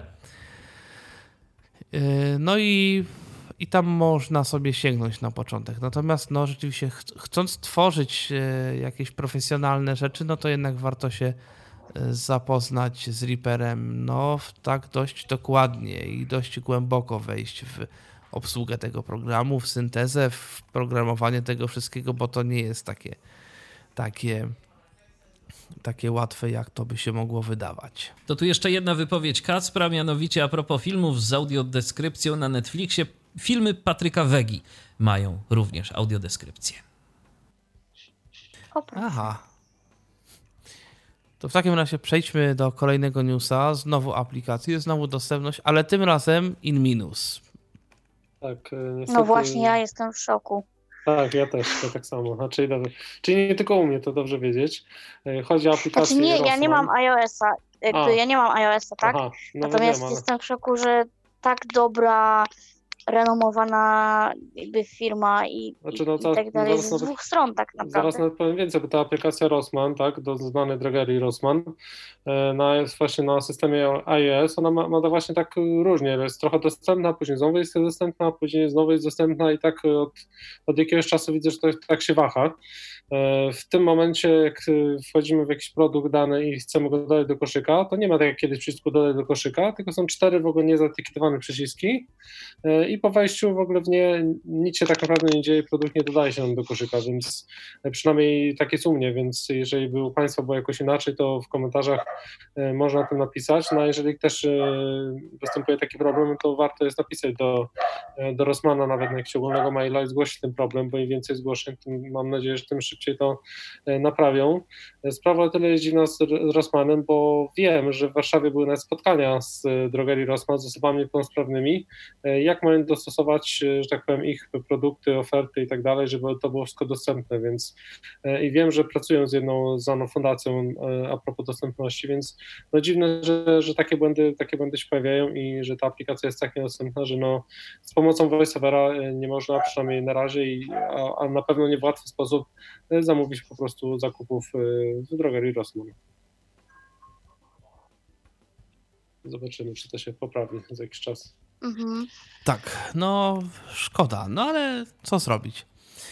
Dobra, to żeby nie było za smutno, Freedom przedłuża promocję z, można powiedzieć z okazji koronawirusa na swoje produkty. Tak jest, do końca sierpnia Freedom e, Scientific e, przedłuża e, swoje promocje i mm, w sensie darmowych, darmowych licencji można sobie będzie skorzystać z tych, mm, z tych licencji. Natomiast to nie jest jedyna rzecz, bo mm, też są jakieś zniżki w ogóle na JOSa do 30% w ogóle na, na produkty mm, Freedomu, e, w sensie na JOSa, na Fusion i jeszcze jakieś inne no, te aplikacje i rzeczy, które tam można u nich kupić. Natomiast no, to jest e, w Stanach Zjednoczonych. Pytanie, jak to będzie w Polsce. Może ty, Piotrze, wiesz coś więcej na ten temat, na temat tych zniżek? Coś jest? No. Piotra nam chyba gdzieś wyrzuciło y, z sieci. Y, A zobaczmy, bo tu ktoś nam w waiting roomie się pojawił, więc. Jestem, jestem. A, jestem. jesteś. Y, To wiesz coś na Jeszcze ten raz, temat? Bo, jeszcze raz możesz po- powtórzyć, bo po prostu czytałem i nie, nie, nie Czy wiesz coś na temat y, tych y, mm, zniżek 30%? E, y? Jeszcze, jeszcze nie słyszałem, ale, ale spróbuję się dowiedzieć na następne, okej. następne audycje i, i powiem wtedy. No bo to być może jest kwestia, bo to być może jest kwestia gdzieś tam, która y, jeszcze po prostu do Polski nie dotarła. Tak, tak, tak, no, ale dobra, bo Freedom zawsze no jednak zaczyna od Stanów Zjednoczonych, ale coś tam, Tak, coś tam już takiego kombinują z tymi 30% rabatami. Natomiast jest jeszcze jedna rzecz, bo ukazała się nowa wersja JOSa, no i tu mamy kilka y, rzeczy in plus. Mianowicie mamy przebudowaną y, przeglądarkę Braille'a, y, która oprócz tego teraz, że mm, będzie nam wyświetlała tekst y, brajlowski, to będzie mogła wyświetlać nam też ten tekst w czarnym druku, który jest wypowiadany przez syntezę mowy. Możemy to sobie wyświetlić w takim specjalnym okienku i możemy sobie tam różne rzeczy poustawiać, jeżeli chodzi o kontrast i tego typu parametry wizualne. No i również jest nowa opcja w JOSie, za pomocą której możemy poradzić sobie z kartami dźwiękowymi niektórymi oraz z urządzeniami bezprzewodowymi, które mają taką brzydką przypadłość, że po prostu ucinają nam początki wypowiedzi. W tym momencie możemy sobie to przełączyć, możemy włączyć w JOSie taką opcję w centrum ustawień i wtedy JOS będzie cały czas emitował ciszę do karty dźwiękowej naszego komputera albo do takich słuchawek bezprzewodowych na Bluetooth. No i dzięki temu unikniemy sytuacji, że początki wypowiedzi są ucinane. NVDA też ma do tego taki dodatek. Y, Freedom również dodał to do mm, opcji. Oni mm, ostrzegają tylko, że wtedy może nam się nagle okazać, że po prostu nasze urządzenie będzie działało krócej na baterii, bo tego typu zachowania urządzeń yy, po prostu są związane z mechanizmem oszczędzania energii. Także no coś za coś, ale myślę, że zdecydowanie będziemy woleli, żeby nam synteza y, odzywała się prawidłowo, no, niż to, że dłużej popracujemy sobie na akumulatorze. Tak. No i przechodzimy już do treści mniej związanych y, jakby z niewidomymi, ale nadal interesujących, także zostańcie z nami. Y, no i zaczynamy od ciekawej informacji, co tak na zachętę, jak zrobić oto jakoś pod koniec, zdaje się, zeszłego tygodnia większość tych portali technologicznych podało informację, że można na różnych przeglądarkach oglądać YouTube'a bez reklam za darmo. Tak, dokładnie. Jak wiadomo, w serwisie YouTube, aby oglądać filmiki bez reklam, e, trzeba wykupić subskrypcję YouTube Premium, e, ewentualnie zainstalować dobrego adblocka, e, adblockera, mm, ale użytkownik serwisu Reddit e, odnalazł bardzo prosty sposób, e, który pozwala na obejście w ogóle tych dwóch sposobów i oglądanie darmowe E, filmików po prostu bez reklam na YouTubie. E, w tym celu w adresie, w pasku adresu, e, gdy mamy adres http www.youtube.com .com, po, po właśnie tym wyrazie com należy pisać kropkę. E, to jeżeli już mamy film otwarty, to najczęściej jest com.slash i później tam jest jakiś dalszy ciąg, więc po tym e, pomiędzy com a slash należy pisać kropkę i wtedy, gdy otworzymy film jakby od nowa, e, czy wkleimy ten link do przeglądarki, wyświetli nam się wtedy bez, bez reklam. Funkcja ta działa zarówno na urządzeniach mobilnych, jak i na komputerach w różnych przeglądarkach. No i teraz zobaczymy, kiedy YouTube po prostu zablokuje tę możliwość, bo teraz kwestia jest tego, kiedy oni to, ten błąd swój naprawią, ale na razie, na razie to działa. Ja działa, nawet tak. słyszałem o tym, że jeżeli wpiszemy taki, taką kropkę, to potem, jeżeli zaczniemy wyszukiwać nowe filmy tak, w tak, YouTubie, tak, mhm. to te nowe filmy również będą wyświetlane bez reklam. Także tak, to, tak, taki, to jest taka magiczna kropka bez reklam i Kiedyś mówiło się o kropce, kiedyś mówiło się, słuchajcie, o kropce nienawiści, to teraz mamy kropkę bez reklam. Tak, dokładnie. Szkoda, że takiej kropli, y, kropki w aplikacji się nie da wpisać, bo to też było fajne. Właśnie. No to ja to głównie w aplikacji YouTube'a przeglądam, tam że tak ja łatwiej, szybciej to można zrobić, więc szkoda, Ale wiecie co, tak się zastanawiam, czy przypadkiem nie dałoby się na przykład na cokolwiek trochę inteligentniejszych routerach yy, zrobić jakiejś regułki, która by w locie wyłapywała adresy i je jakoś tam no, no przekierowywała. Tak. Chociaż no może to być problem o tyle, że teraz mamy wszystkie połączenia raczej zaszyfrowane, więc, yy, więc no tu tak. może być może być kłopot, ale no kto ale wie, może, kto wie, może, może jakoś... Ktoś, może tak, ktoś tak. to wykorzysta, jeszcze zobaczymy, więc tak jak, tak jak MS stworzyli, to może i tutaj coś stworzą, zobaczymy, aby, aby YouTube tego nie zablokował zbyt szybko. Więc... No, z drugiej strony YouTube y, akurat nie jest jakoś rychliwy, bo przecież pamiętajcie, że y, są biblioteki typu YouTube.dl y, i inne różne rozwiązania, dodatki do przeglądarek, jakieś tam pomijacze reklam czy inne takie, które działają dłuższego czasu, więc no zobaczymy, co to z tego y, wyjdzie. Trzeciej, z trzeciej strony też Także, fajnie no, wspierać, wiem. pomijając już jakby wielkie firmy i tak dalej, ale tych drobnych twórców, którzy gdzieś tam z tych naszych reklam Tak. zarabiają sobie na, na może nie na życie, ale zawsze na coś. I, I fajnie jak się ogląda, jak ma się jakiegoś ulubionego twórcę, który nagrywa te filmiki, no może nie do końca z pasji, bo wiadomo, że liczy na jakiś zysk, ale nie, nie stoją za nim jakieś wielkie korporacje. Fajnie jest mu troszkę okazać też wsparcia, chociaż przez te obejrzenie tych paru reklam. I, i To wiesz co, Pawle, tak, to się zgodzę oczywiście i jak najbardziej popieram, tylko problem jest taki i mnie to szczerze mówiąc bardzo irytuje, bo okej, jestem w stanie się pogodzić z tym, że reklama pojawi mi się na początku filmu. To ja bym jej nawet może nie pomijał, ale y, co mnie denerwuje na YouTubie i to strasznie mnie denerwuje, to to, że na niektórych filmach to po prostu te reklamy pojawiają się dosłownie co chwilę i wtedy wyświetlają się tak ze dwie, ze trzy te reklamy y, i one pojawiają się co nawet co kilka czy co kilkanaście minut tego filmu. Także to A wiesz, że po to wszyscy ustalają? Ile ma być reklam? Wiem. wtedy? Znaczy, no Wiem. trochę tak. No, tylko jeżeli reklam jest więcej niż filmu, to się to trochę No to prawda, znaczy to jest dla mnie Tak, tak z perspektywy, że tak powiem user experience drażniące, bo mam takie sytuacje, gdzie na przykład oglądam sobie coś przy posiłku, e, mam brudne ręce, chciałbym tę Mam reklamę to jakoś samo. pominąć. Tak. E, My też. No, w komentarzy, w komentarzu jest ten atut, że ktoś już stworzył wtyczkę, która klika ręcznie przycisk pomiń reklamę, gdy tylko się pojawi. I to jest w jakiś sposób, no, pomaga. Jest Wilk City i Kansas City. To też swoją drogą jeden z twórców, których oglądam takie ukuł. Ale, mm, ale z, bo z jednej strony ta reklamka się pokaże na jakiś czas, a z drugiej strony, jak już będzie to możliwe, to się w to pomiń kliknie e, samo. Co ja zrobiłbym i tak ręcznie, natomiast y, to zrobi to ze mnie po prostu plugin. Znaczy, wiecie co?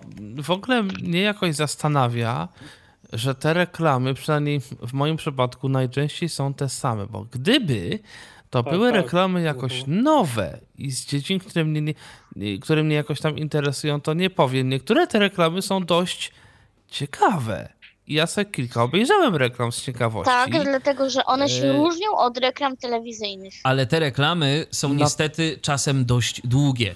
Ja, pa- Owszem. ja Tak. Kiedyś trafiłem na Tak. reklamę, która miała chyba, słuchajcie, z 5 minut i to był jakiś w ogóle taki film cały, Tak, jakaś tak, tak. prelekcja Tak, to był- wręcz. Tak, i to był film, który Samsung ani nie był jakoś takie- ciekawy, tylko dzień dobry, chciałbym zaprezentować Dokładnie aplikację, która coś...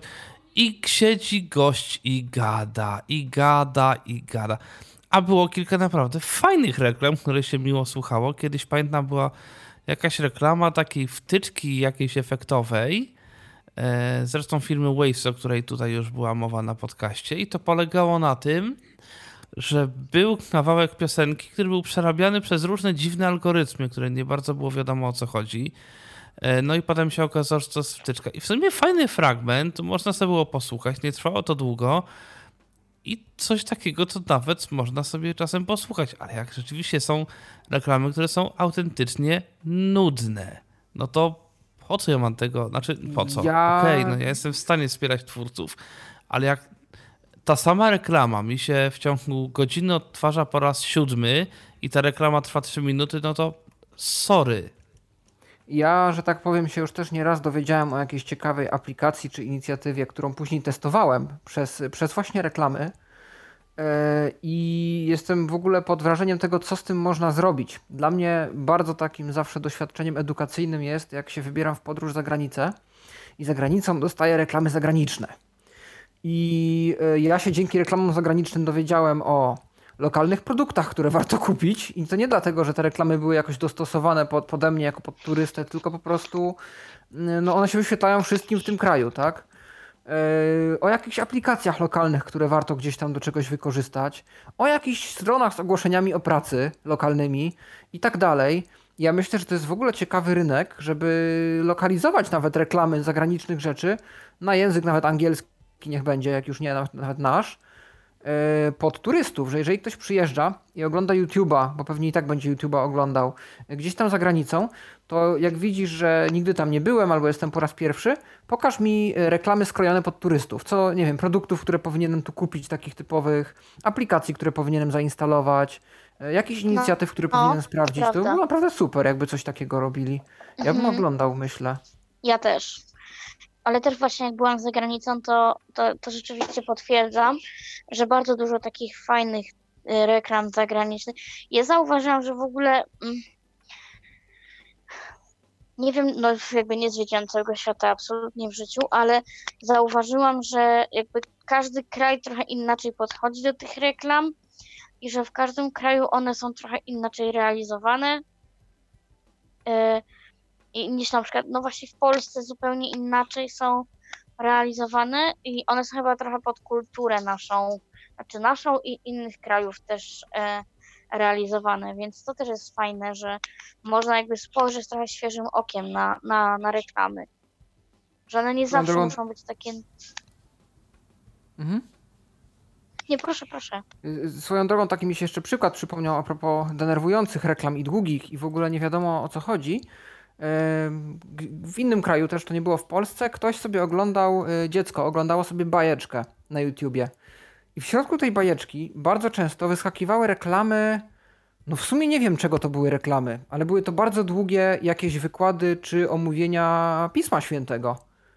I to też byłem bardzo zdziwiony, że tak długa reklama na taki konkretny temat, jakby nie związana z jakimś produktem, e, wskakuje e, gdzieś cały czas pomiędzy bajki dla dzieci, gdzieś tam, gdzie ten język jest, jest też dużo poważniejszy i też nie było to chyba po angielsku, a ta bajka była w jakimś innym języku, więc też nie można się spodziewać, że dziecko ten angielski jeszcze zna na tym etapie, zwłaszcza takie małe, bo to były takie bajki, gdzie nie było za wiele mówione w ogóle jeszcze. E, No i to w ogóle było takie zastanawiające, że tego typu reklama jeszcze w takim formacie dość długim w tym miejscu jest wstawiana, no ale takie rzeczy się działy, bo ja bardziej kojarzyłem wtedy tylko te krótkie klipy. Z tego co wiem, to reklamy są też na słowa kluczowe. Jeżeli w danym materiale filmowym pojawia się jakieś konkretne słowo, więc być może tam właśnie w tej bajce nawet się pojawiło jakieś słowo, które sobie twórca reklamy wybrał, że jeżeli takie się pojawi, to ma ta reklama zostać y, odtworzona. Y, I rzeczywiście to się czasem zgadza, bo autentycznie już się spotkałem z takimi kilkoma przypadkami, że jest mowa o czymś, dosłownie o czymś i za chwilę jest bardzo blisko związana z tym e, reklama. Także to jest bardzo, bardzo mocno YouTube to profiluje. YouTube oczywiście rozpoznaje y, te wszelkiego rodzaju y, teksty w filmach, które się tam pojawiają na użytek swój własny, bo Po chyba jeszcze bo chyba jeszcze polskich napisów nie, e, nie wypuszcza. Mm, Nie ma takiej możliwości, przynajmniej nic y, nie wiem na ten temat. Tagi to jedno, ale wiesz, to było dosłownie do tego stopnia, że było użyte słowo jakieś konkretne, za chwilę Mhm. potem reklama. No tak, bo na przykład jak piszesz właśnie tagi, to one są jakby głównie po to, żeby e, odnajdywać, żeby mógł W wyszukiwarce, jakby tak. i wyszukiwać e, YouTube, proponować ci podobne filmy, ale też to działa w drugą stronę. No jeżeli ja w tagu mam wpisany, nie wiem, ogród, no to wiadomo, że już Leroy Merlin, fu, no jakaś tam inna, bo nie wiem, czy można lokować mm, produkty i sklepy. No ale no, jakiś to tam, jest. To chyba. no w każdym razie Porykla. jakiś tam To, co się często robi. tu. TikTok, y, TikTok miał taką taktykę też, że oni robili chyba reklamę. Oni tak nieważne jak o nas mówią, ale ważne, że mówią. Więc każdy filmik, którym wspomniany był TikTok, dostawał automatycznie reklamy TikToka. TikToka. One były dość nachalne. Więc pamiętam, bo one miały różne wcielenia z różnymi muzyczkami zawsze. Pojawiła się jeszcze taka, jest- mm, taka sugestia od y, Krzysztofa, że no jest y, przycisk pomiń reklamę na YouTubie. Oczywiście, Krzysztofie, no my to wiemy, być może niektórzy słuchacze nie wiedzą, to informujemy, tak, zgadza się. Na przykład na aplikacji mobilnej, ale też i na stronie internetowej jest, jest przycisk pomiń reklamę i wtedy z tego, co kojarzę, to twór, twórca nie dostaje nawet y, pieniędzy za te reklamy, ale my i tak kilka sekund tej reklamy musimy obejrzeć, bo dopiero da się pominąć te reklamy chyba po czterech sekundach. Oj, Dokładnie. więcej. No nie, po czterech, Czasami jak reklama po- trwa 10 sekund, to tego po przycisku nie ma. pięciu, a tego przycisku nie ma, jeżeli reklamy są krótkie. To się zgadza. Mhm. No ale też tutaj właśnie zwracaliśmy uwagę na to, co ja uważam, że jest bardzo takie znamienne, że naprawdę jak się je, a, a, a często ludzie właśnie oglądają YouTube'a do posiłku, jak się je coś i mamy brudne ręce, to naprawdę trudno jest pomijać reklamy i to wszystko tak strasznie zniechęca rzeczywiście, tak, do, do oglądania i, i, i tak dalej, więc to też trzeba brać pod uwagę. No, zobaczymy. Teraz y, Google chce, podobno to też mówiliśmy w Tyflo przeglądzie, troszkę to jest zagranie, e, nakłonić użytkowników do korzystania z Chroma.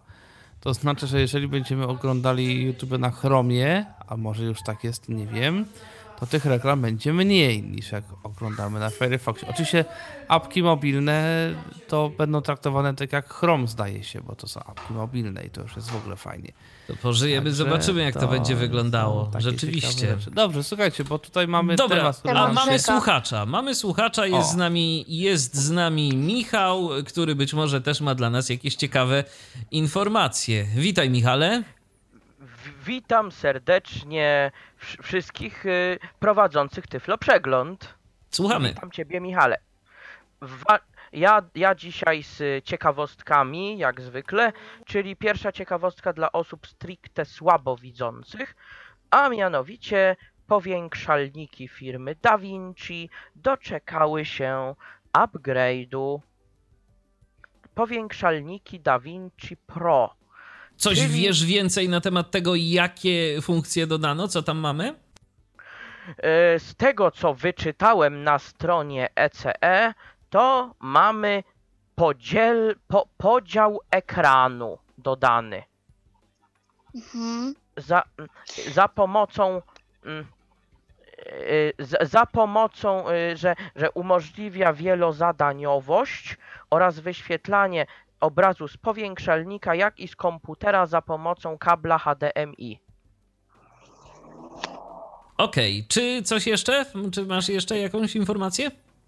I jeszcze ważna rzecz, gra, którą z Michałem prezentowaliśmy, czyli TubeSim, doczekała się e, na nowszej wersji. A jakie zmiany? E, Bardziej e, Nick postawił na kosmetykę, czyli na przykład sygnał stopu w tunelu ma dodane echo. O, no to rzeczywiście, czyli- po prostu więcej, bardziej realistyczna jest ta gra w tym momencie. E, Tak, plus do tego Nick stawia na tłumaczenie, czyli, czyli będziemy mieli TubeSima w różnych językach. No i Może coś po przebą- polsku. Tak, właśnie przebąkują ku temu, że, że się szykuje tłumaczenie po polsku. Nie ukrywam, zgłosiłem swoją chęć e, tłumaczenia komunikatów, bo twierdzę, że metro mówiące ludzkim głosem będzie brzmiało fajnie. Zdecydowanie no, ciekawe, tak. Czy, ciekawe, czy Londyn się wtedy zainspiruje, bo bardzo dużo Polaków tam też mieszka. Drugi język w Wielkiej Brytanii ponoć w użytku aktualnie to jest polski. E, To może będziemy, będziecie protoplastami polskich komunikatów metra londyńskiego. Fajnie by było, jakby pożyczyli wasze No. tłumaczenie kiedy, kiedyś. Pewnie. Fajno, fajno by było, to do tego, do tego fajnie by było dążyć. A powiem, y, Nick powiedział, że będzie po prostu szykował pakiety tłumaczeniowe. Znaczy z tłumaczeniem to wygląda tak, ja, ja to od razu podkreślę, żeby, żeby było wiadome. G- program, jak wiemy, jest darmowy, czyli za tłumaczenia no, be, nie będziemy otrzymywać też żadnego wynagrodzenia. Mhm. B- No będziemy to tak to jest w tych projektach. To najczęściej się robi jako wolontariat, ale szczerze mówiąc, ja sobie teraz takie już nawet projekciki wpisuję na LinkedIn w CV. Więc to No nigdy nie tak. przepada. Tak, bo to jest twoje portfolio, więc. Jak najbardziej, ale też się zdarza, że, dos- że jest bartel, czyli dostajemy wymianę za licencję, na przykład za tłumaczenie licencję darmową, jeżeli program jest tam jakoś No, płatny czy pewnie. coś. No, A, to, no to powodzenia, akurat. powodzenia, fajna przygoda, polecam. A dzie- dziękuję, dziękuję, dziękuję. Mam, e, powiem, powiem czu- człowiek jak, człowiek jak może zawsze pomóc, no to, no to je- jak najlepiej, czy, jak najbardziej trzeba się zgłaszać, co też, co też warto. I plus do tego informacja, jeżeli ktoś bawił się tak zwanymi soundpackami, zaczął sobie tworzyć coś nowego dla siebie, a powiem, e, ludzie zaczęli robić coś dziwnego, mianowicie pociąg zasilany silnikiem motocykla. To, Mhm. Cóż. to No to myślę, a to będzie natywna opcja w tym symulatorze? Będzie można takie E. na przykład przełączać w opcjach albo coś tam, te soundpacki? Powiem, że nic na razie nikt nie pisał, ale jeszcze dodano z takich zmian to, jak e, sprawdzamy temperaturę albo, albo na przykład ym, ym, powietrze w sprężarce, no to mamy dodane jednostki. O, No tak, żeby to jakoś też bardziej reali realistyczne pytam, było. Pytam o te soundpacki, bo istnieją przecież bardzo popularne e, symulatory kolei na przykład, e, takie używane gdzieś tam szeroko przez... e, Maszyna chociażby. Tak, albo EU07 i tam już są gotowe zestawy jakby pociągów, różne oczywiście tam, bo są i wizualnie te pociągi, koła, to, tory, różne elementy. No i są też dźwięki tych pociągów, więc fajnie by było, gdyby był jakiś taki symulator, który chociaż tą dźwiękową warstwę by chociaż w tej podstawowej wersji na przykład akceptował, bo wtedy byłaby już dość duża baza pojazdów, które można by wykorzystać. O, oj tak, po, powiem, że przydałoby się, bo tylko jest jeden, jeden skład, a wątpię, żeby londyńskie metro jeździło tylko jednym składem to fajnie by było, jakby była wieloskładowość, powiem szczerze, ale za, zasugeruję też to autorowi, także dzięki, dzięki za pomysły.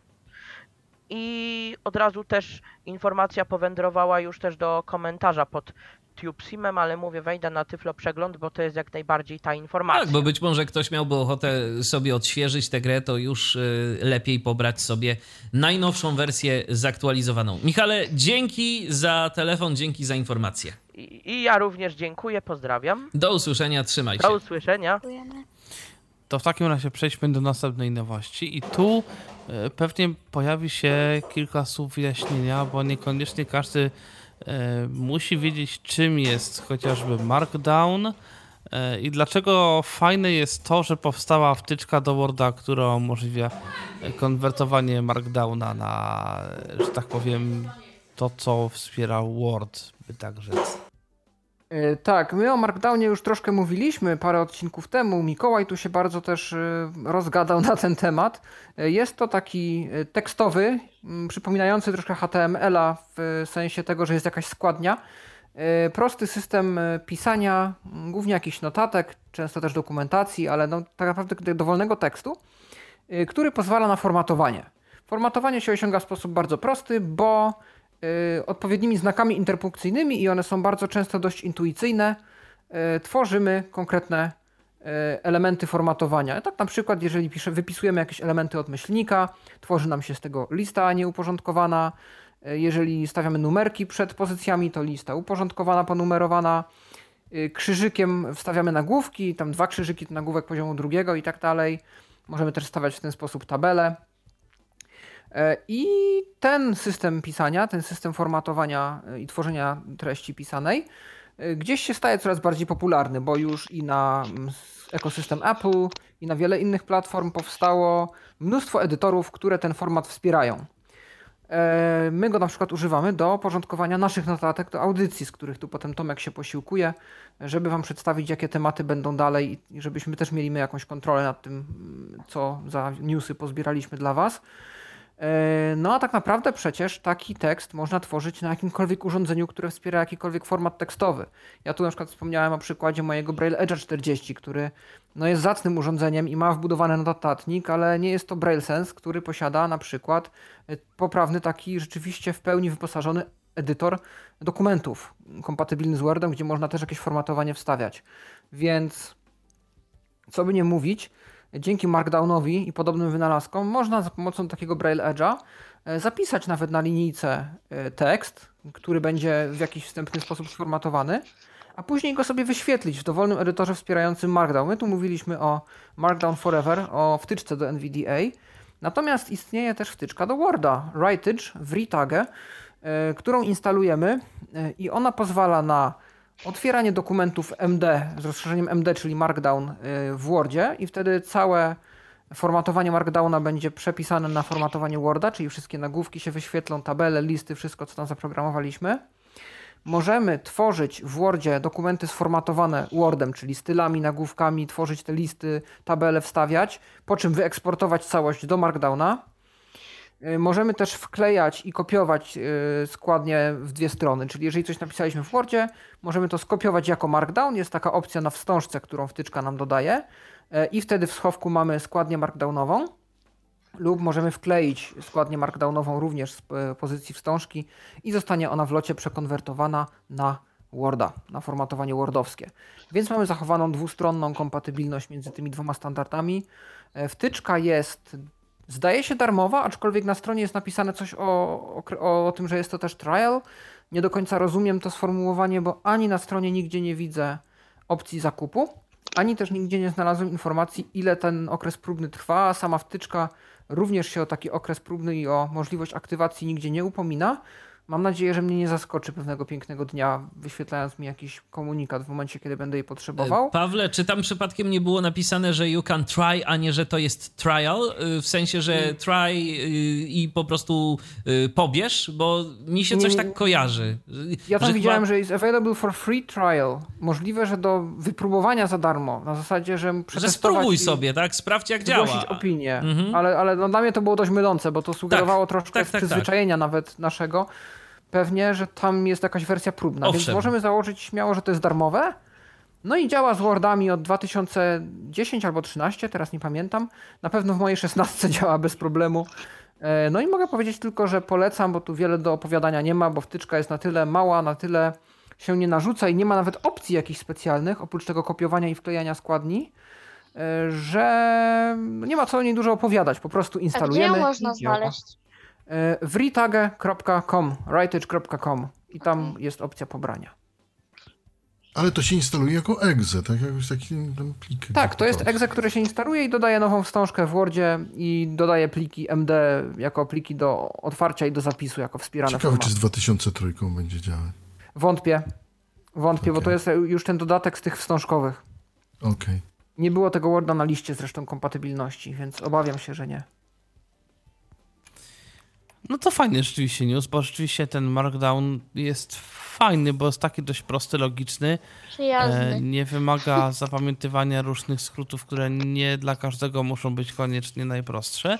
Co prawda wymaga zapamiętywania z kolei znaczków, które trzeba wpisywać, ale część z nich jest na tyle akurat intuicyjna, że jest to dość zrobione fajnie. E, Kasia tutaj e, jakoś e, ma kilka newsów, ale z jakichś przyczyn nie mam ich w notatkach. W związku z Tak. czym e, może Kasiu spróbuj jakiegoś newsa z- twojego e, zacząć, można powiedzieć i tak sobie będziemy te newsy przemieszać. Platać, dobrze.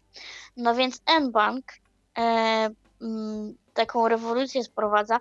No, odważni są, powiem szczerze, mm, dlatego że wchodzi. Mm, to już są testy, ale takie no zaawansowane i poważne. To już jeszcze nie wspomnę dokładnie którego, którego dnia, ale to ma naprawdę wejść na dniach. A mowa o mm, możliwości w, e, jakby przy autoryzacji transakcji e, zamiast odcisku palca albo wpisywania PIN-u zrobienia zdjęcia biometrycznego twarzy.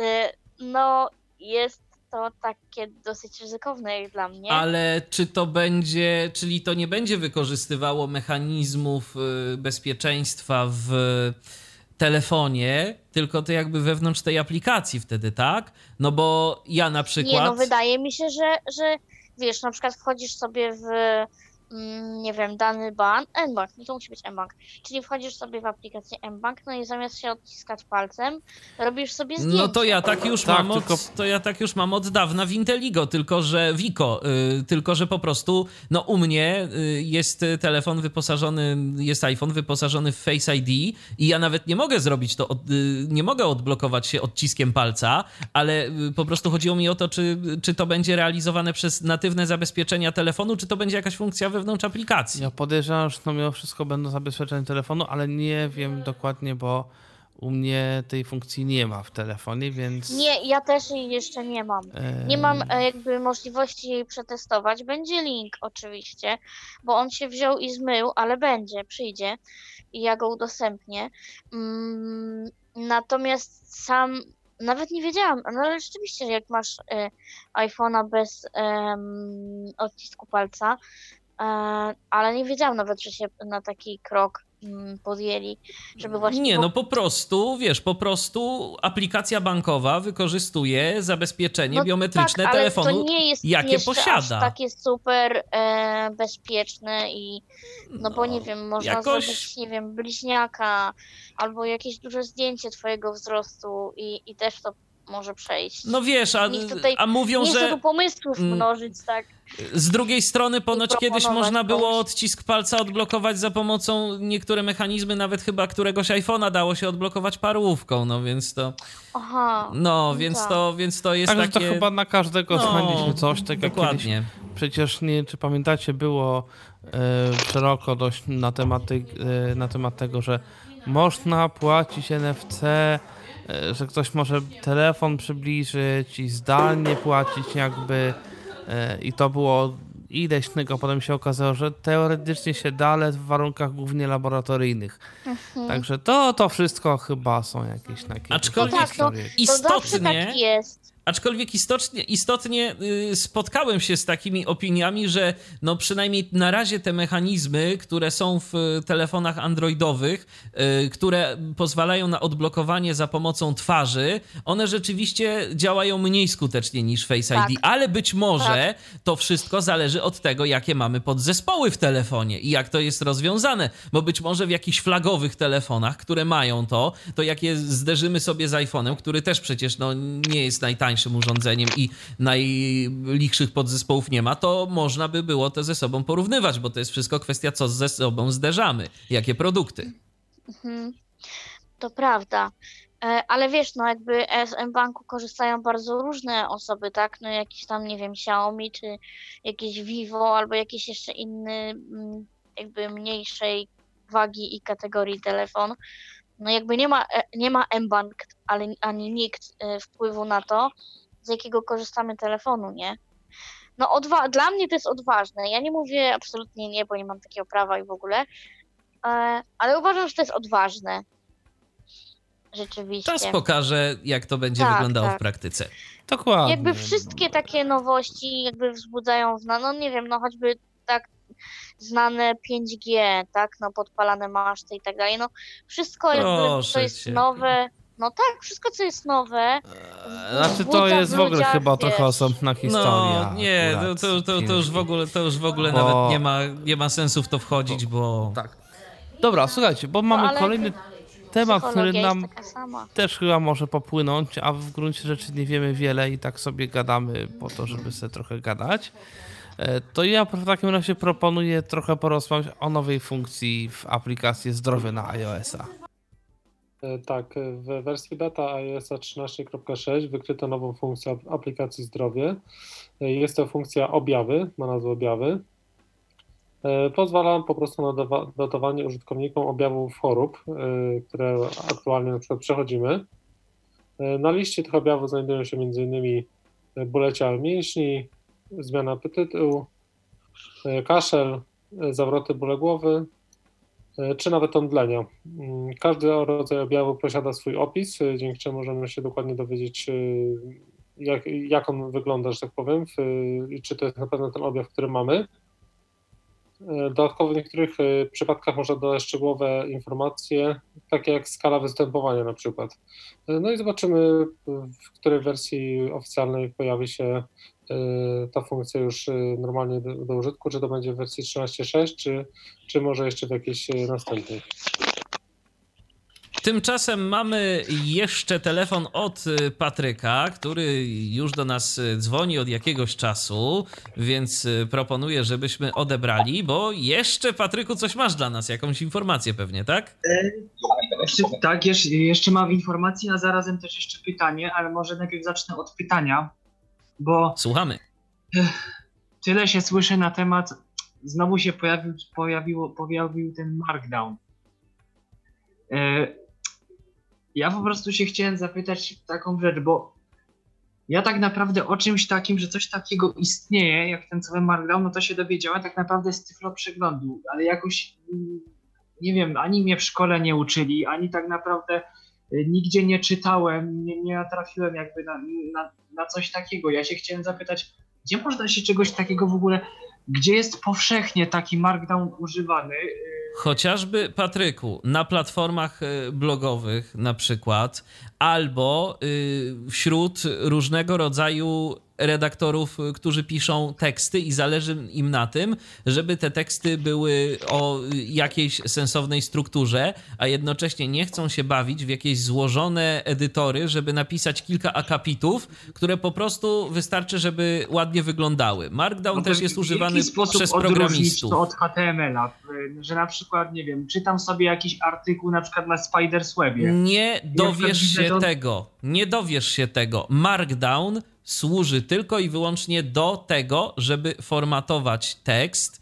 yy, I ty, jako ktoś, kto to czyta, nie będziesz wiedział, czy ktoś to zrobił przy użyciu Markdowna, HTML-a, czy jeszcze jakiegoś innego systemu znaczników.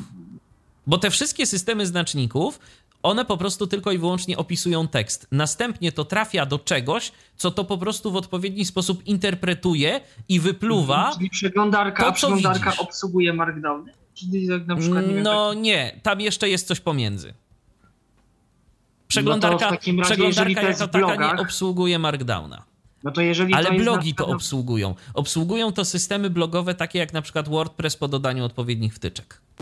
Bo WordPress tak naprawdę potem takiego e, bloga, znaczy takiego markdowna konwertuje do HTML-a. Dokładnie. A, Bo w Markdownie y, jest takie coś, na przykład nie piszemy takich znaczników jak na przykład, y, nie wiem, ahref, y, czy... No nie, wiem, czy- piszemy w inny sposób, ale też używamy znaczników. One są prostsze. Można się tego nauczyć, jak się tego używa. Rozumiem, że są w Tak. internecie jakieś takie... Natomiast Są jest... spisy Markdowna, znaczników Markdowna. Owszem. Natomiast Ale one są znacznie prostsze. Tak, bo na przykład jak chcesz pisać jeden nagłówek poziomu pierwszego, to wpisujesz hash, spacja, tekst. A y, żeby wpisać nagłówek poziomu pierwszego w HTML-u, to musisz mniejsze H1, większe tekst, mniejsze slash H1, większe. Mhm. Zresztą w ogóle no, w HTML trzeba i e, wsz- wszystko formatować, znaczy w sensie na początku, tak? Że tytuł, że coś, że bady i tak dalej, no tego jest dość dużo.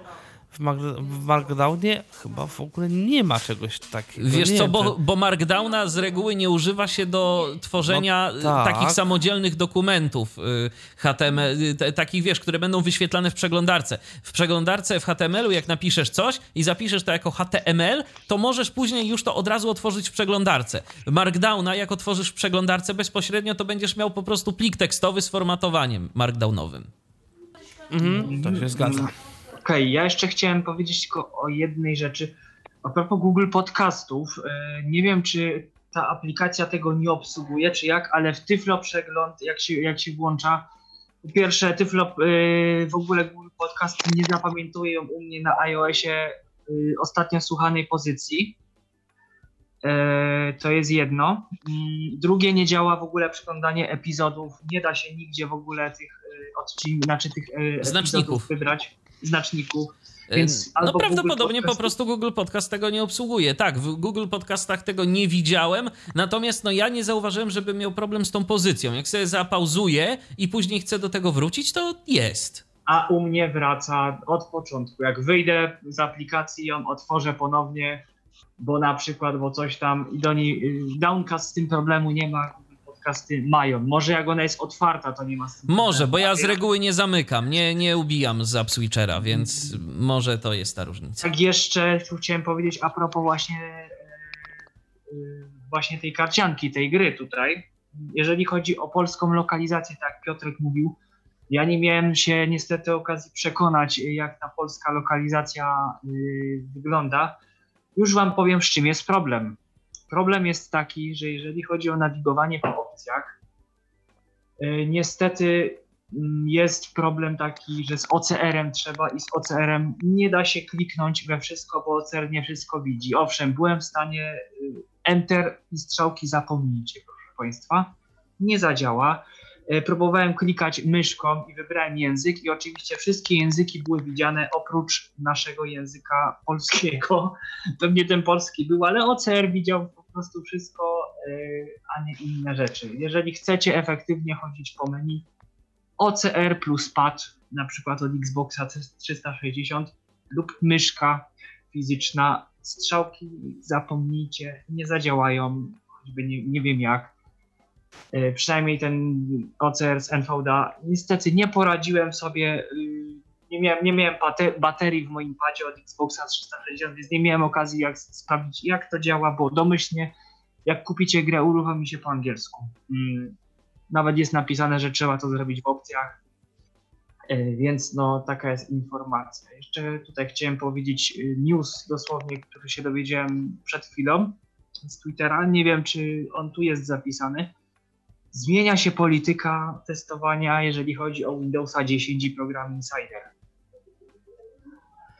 A mianowicie mm, teraz nie będzie y, czegoś takiego, jak mieliśmy szybkie pierścienie, że pierścień wolny, y, czyli y, takie mniej, bardziej rozwinięte aktualizacje stabilne, to, a pierścień szybki, no to były takie bardziej hardkorowe bety, takie powiedzmy, takie nightly i był jeszcze release preview, czyli taka jakby wersja już bardziej taka podchodząca pod oficjalny release.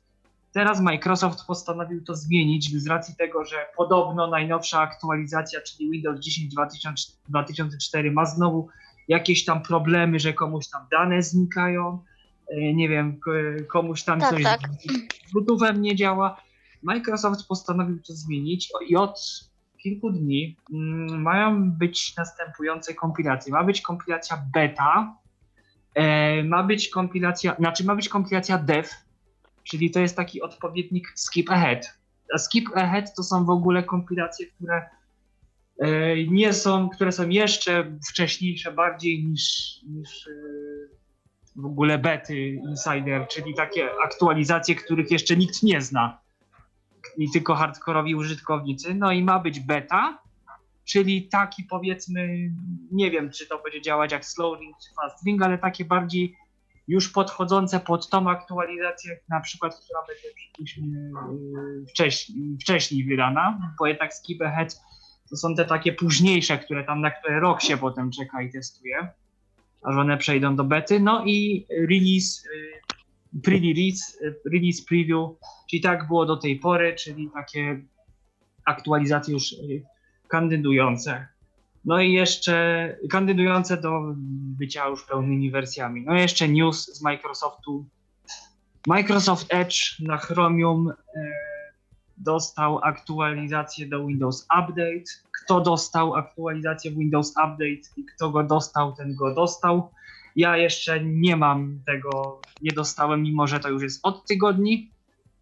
E, I nie zdziwcie się, proszę Państwa, jeżeli będziecie używać Microsoft Edge'a i będziecie się chcieli Państwo zalogować na stronę Google'a, to powiem taką dygresję a propos reklam, hamskich reklam. E, Google e, bardzo pięknie reklamuje Chroma, ponieważ jak się zalogujemy na przykład na Google'a, dostaniemy informację, że absolutnie używaj przeglądarki Chrome, bo nasza przeglądarka jest o wiele szybsza, wspanialsza, w ogóle jest taki wielki nagłówek, jak, jak się gdzieś logujemy w Edge'u. Mimo, że oczywiście, no wiadomo, Google i Microsoft wojnę toczą, bój toczą niestety. I to widać również w Edge'u, mimo że jest na silniku Google'a, czyli na Chromium. No cóż, Także i to- tak bywa.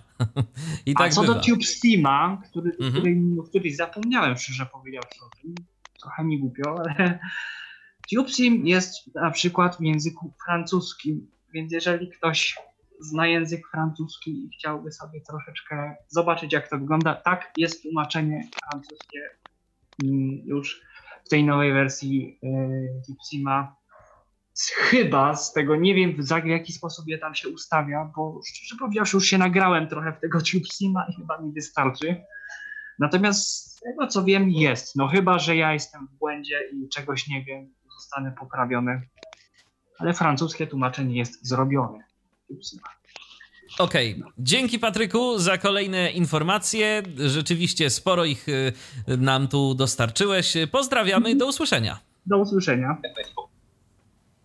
I możemy, myślę, przejść dalej. I możemy, myślę, przejść dalej. To może co, Kasia, drugi news? Bo nie wiem, ile ty tych news masz, ale podobno kilka. Nie, ja mam dwa, tylko ten będzie ostatni. W niektórych bankomatach, mm, y, tych takich sieciowych, bodajże Planet Cash, mm, będzie można tylko jednorazowo wybrać sobie 1000 zł, pobrać pieniędzy. Mimo, że na przykład w, e, w jakimś tam banku mamy zadeklarowane, że ja dziennie mogę sobie pobrać 4000, bo na tyle mam ustalony limit, no to bankomat mi na to nie pozwoli, żeby jednym, jednorazowo tyle wypłacić. Muszę podejść do bankomatu, wypłacić 1000, potem wyjąć kartę, podejść, wypłacić drugi 1000 i tak dalej. To podobno jest zrobione tymczasowo e, na czas e, epidemii, bo rzeczywiście jest takie. mm, Teraz już nie mam do tego dostępu, ale gdzieś czytałam, że jest zrobione badanie, że po tej e, epidemii bardzo dużo ludzi mm, wypłaca pieniądze z bankomatów. I właśnie, żeby ich nie zabrakło, chociaż i tak można to zrobić po kilka razy, no ale żeby to można było, żeby było to bardziej uciążliwe i żeby nie zabrakło e, nikomu e, pieniędzy mm, w bankomacie, no to można sobie wybrać jednorazowo tylko 1000 zł.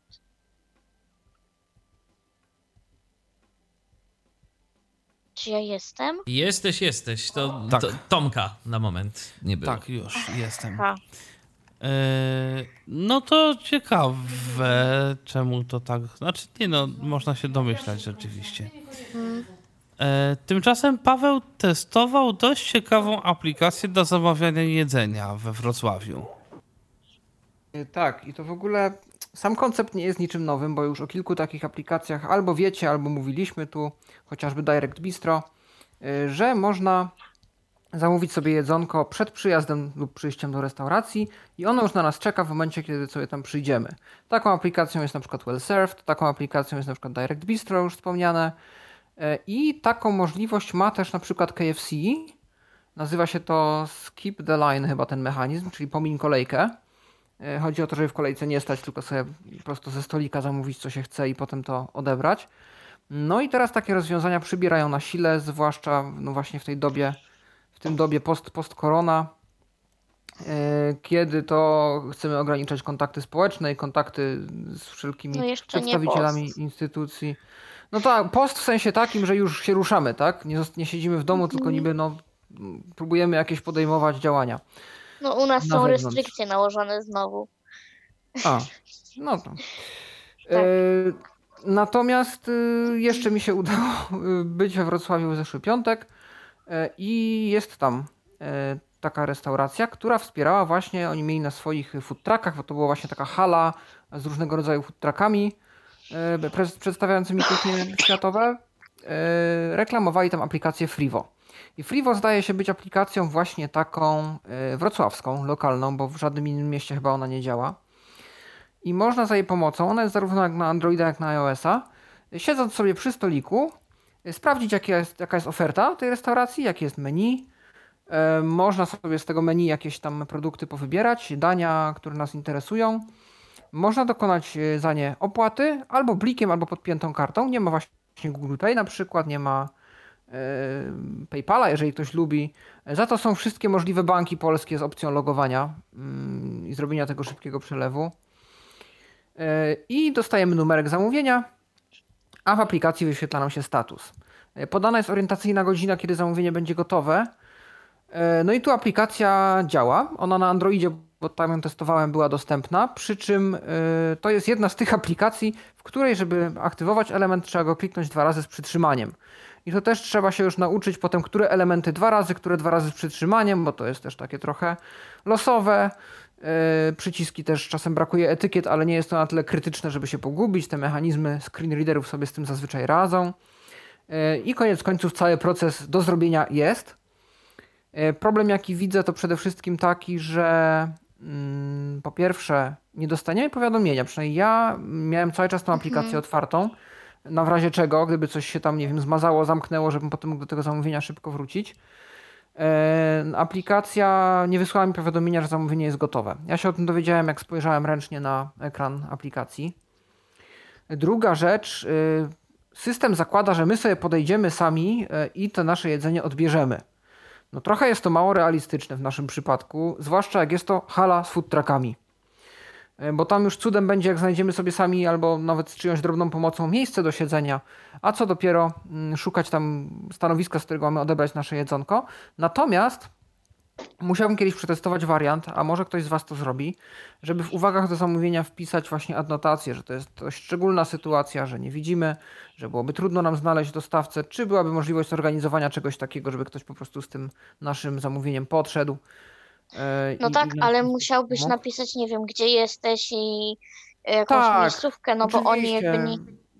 Tak, no to wymaga oczywiście podania kupy danych, bo numer telefonu No, by no, się no. też pewnie przydał do jakiegoś awaryjnego kontaktu, e, jakaś A lokalizacja często w tych stolika. uwagach też jest mało miejsca, nie? Takie na, na pole tekstowe, na tekst. Szczerze mówiąc nie wiem, ile jest miejsca Mhm. w tej konkretnej aplikacji, bo nie sprawdzałem. E, Natomiast kolejnym problemem jest to, że niektóre lokale, właśnie ten, w którym ja byłem, rozbijały sobie e, restaurację osobno, bar osobno. Że jakby to są dwie osobne restauracje, dwa osobne obiekty. I teraz, jeżeli ja zamówiłem już jedzenie w restauracji podpisanej restauracja, to mimo, że to jest ten sam właściciel, ten sam lokal, tylko zapisany jako po prostu druga instancja, to już nie zamówię picia z baru. Bo jeżeli mam aktywne zamówienie w jednej restauracji, to on nie pozwoli mi zamówić z drugiej. Co w normalnych warunkach ma sens, no bo jaki jest sens zamawiania czegoś z dwóch restauracji pod warunkiem, że w jednej z nich siedzisz? A po drugie, no właśnie, dlaczego oni rozbijają to menu na dwie instancje, na dwa osobne obiekty, e, skoro są jednym, jednym dostawcą, więc no. Takie Pewnie chodzi o kolejki, wiesz, jeżeli ktoś chce szybko coś do picia, jakiś koktajl, sok, no to Mhm. jakby dostanie go szybciej, no nie? A wiesz, a dania się jednak robi dłużej. Pewnie oni po Możliwe. prostu, wiesz, wy, robią to na miejscu No, i tylko to wiesz, trochę takie czekasz- wylewanie dziecka z kąpielą z drugiej strony, więc... No tak, no. Najpierw, najpierw się zamawia picie, potem jedzenie. Tak z reguły to działa chyba też. Więc, ale, ale no sam system, co by nie mówić, działa. E, Tych aplikacji jest prawdopodobnie więcej i pewnie się przekonacie w swoim e, mieście, że, że coś tam ktoś obsługuje.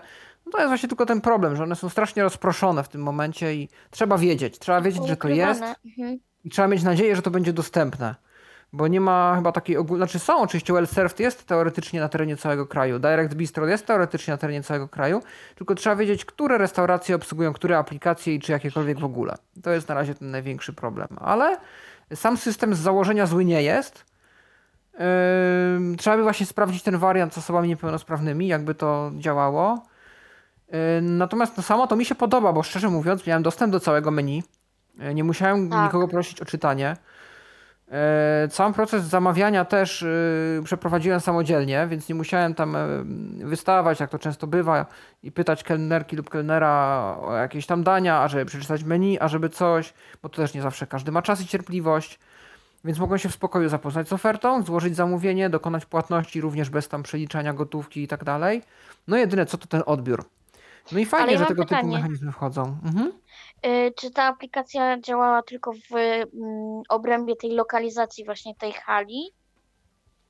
Znaczy ona wyświetla restaurację po odległości. I Aha, zdaje się, że czyli i tak... Mhm. Tak, ja na przykład jest, będąc na Śląsku teraz górnym, y, widzę restaurację z Wrocławia, jak ją włączę.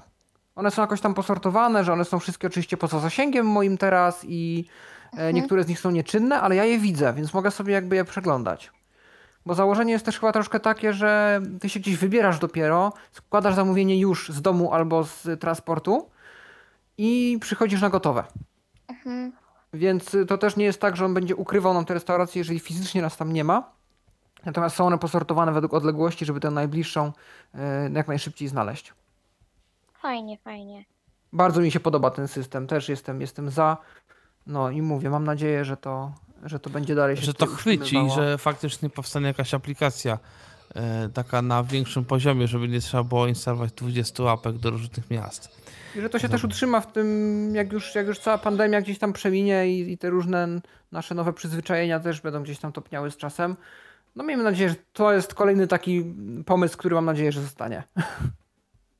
A no, to w takim razie jeszcze nam został ostatni news, przynajmniej ostatni news wpisany w notatki, bo zobaczymy, czy i ile jeszcze tych newsów mamy osobnych. W każdym razie rzecz tyczy się y, sposobów pewnych, może inaczej, funkcji, które zostały znalezione y, w taki sposób niekoniecznie przewidziany przez producenta, bo często jest tak, że ludzie, którzy się na tym znają, rozpracowują kod y, aplikacji, znaczy kod, rozpracowują Pod systemem.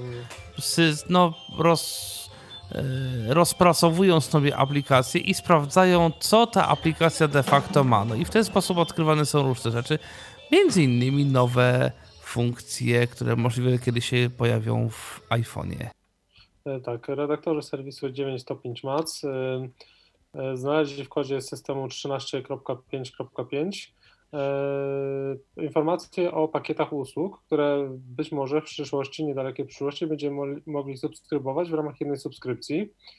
E, Dzięki temu będzie można najprawdopodobniej e, na przykład, na przykład subskrybować sobie Apple Music i Apple TV e, w niższej cenie niż jakbyśmy subskrybowali te dwie usługi oddzielnie. E, Więc jest to ciekawa, myślę, opcja. Zobaczymy, czy ona zostanie wdrożona, w, kiedy, w jakim systemie.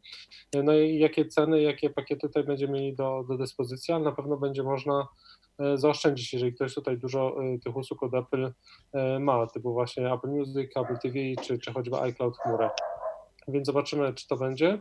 E, Warto też dodać, że w przyszłym tygodniu odbędzie się WWDC w Stanach dla deweloperów E, i już w poniedziałek o godzinie 19 e, będzie można zobaczyć, jakie nowości e, szykowane są w systemie iOS 14 nowym, który na jesieni ma się pojawić e, oraz e, możemy też spodziewać się jakichś nowych e, produktów, które będą zaprezentowane w przyszłym tygodniu, więc to, to zobaczymy i za tydzień pewnie coś o tym też e, powiem, powiemy.